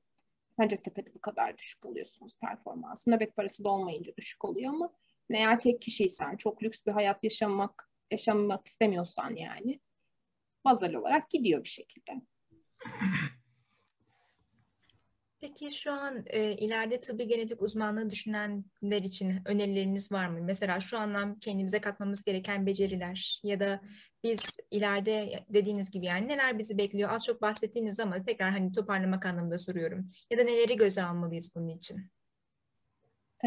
Bizim camiamız biraz karışık bir camia aslında. Hani 2006'dan beri asistan eğitim veriyoruz. Yani TUS sonrası asistanlık eğitimi devam ediyor. Bu yüzden hani kendimiz de çok fazla değiliz sayıca. O yüzden başka bölümlerle de yer yer çatıştığımız zamanlar oluyor. Özellikle patolojiyle çok bunu yaşıyoruz hani test anlamında. E, getirisi de güzel bir bölüm. Hani özelde çalışsan ya da devlette çalışsan ya da araştırma yapsan da hani getirisi de her anlamda doyurucu bir bölüm olduğu için herkes aslında sahiplenmeye çalışıyor. Eğer ileride gerçekten tercih etmek isteyenler varsa bir hani bunu bilerek şey yapsınlar. Yani savaşmak zorunda kaldığımız yerler olacak. E, birçok branşa karşı olacak. E, bir ikincisi, yani zaten sizin şu an yapmanız gereken tıp eğitimini güzel bir şekilde almak. Ama eğer olur da yurt dışı fırsatınız olur, olursa e, ben kaçırmamanızı öneririm. eğer biraz da olsa bilgisayarlara merakınız varsa, programlama öğrenmek istiyorsanız, hani bu kadar yani boş vaktinizin olduğu zamanlar çok fazla şu an. İlerleyen zamanlarda daha olmadığını göreceksiniz. Hani belki bununla ilgili kendinizi geliştirebilirsiniz. Yani bir program dili az da olsa, hani küçük bir kurs da olsa bilmek her zaman artı. İşte bir yurt dışı seyahatine gidebilmek her zaman artı e, diye düşünüyorum. O şekilde. Yani ben de katılıyorum. Genel olarak zaten tıp fakültesinde yani şu an çok ekstra yapmanız gereken bir şey yok. Yani fakülteyi bitirmek, işte temelde işte derslerinizi iyi öğrenerek e, konuları. Yani özel olarak genetiğe ilginiz varsa e tabi onlarla ilgili yayınlar okursunuz, şey yaparsınız, kendinizi geliştirirsiniz. E, kitaplar var, yani daha basit şekilde anlatan e, genetik konularını. Onlara bakabilirsiniz vaktiniz varsa. Ama vaktiniz varsa yani kendinizi kısıtlayacak şekilde değil. E, Nesli Gül'ün dediği gibi işte bilgisayarlara ilginiz varsa öyle e, yazılım işte e, dillerini falan öğrenme şeklinde o tarz şeyler yapabilirsiniz. E, o şekilde yani özel olarak genetiğe hazırlanma gibi bir şeye gerek yok bana sorarsanız yani. E, sevdiğiniz şeyse hani ilginiz varsa dediğim gibi bunları yapabilirsiniz özel olarak. Başka bir şey yapmanıza gerek yok. Bugün Nesli Gül Hocam ve Erdem Hocam'la birlikteydik. Tekrardan teşekkür ediyorum seni de ayırdığı zaman için. Ee, tıbbi genetik asistanlık dönemini inceledik onlarla birlikte. Umarım ilgili arkadaşlara yol gösterici bir oturum olmuştur. Tekrardan teşekkürler. İyi akşamlar diliyorum o zaman. Görüşmek üzere. İyi akşamlar.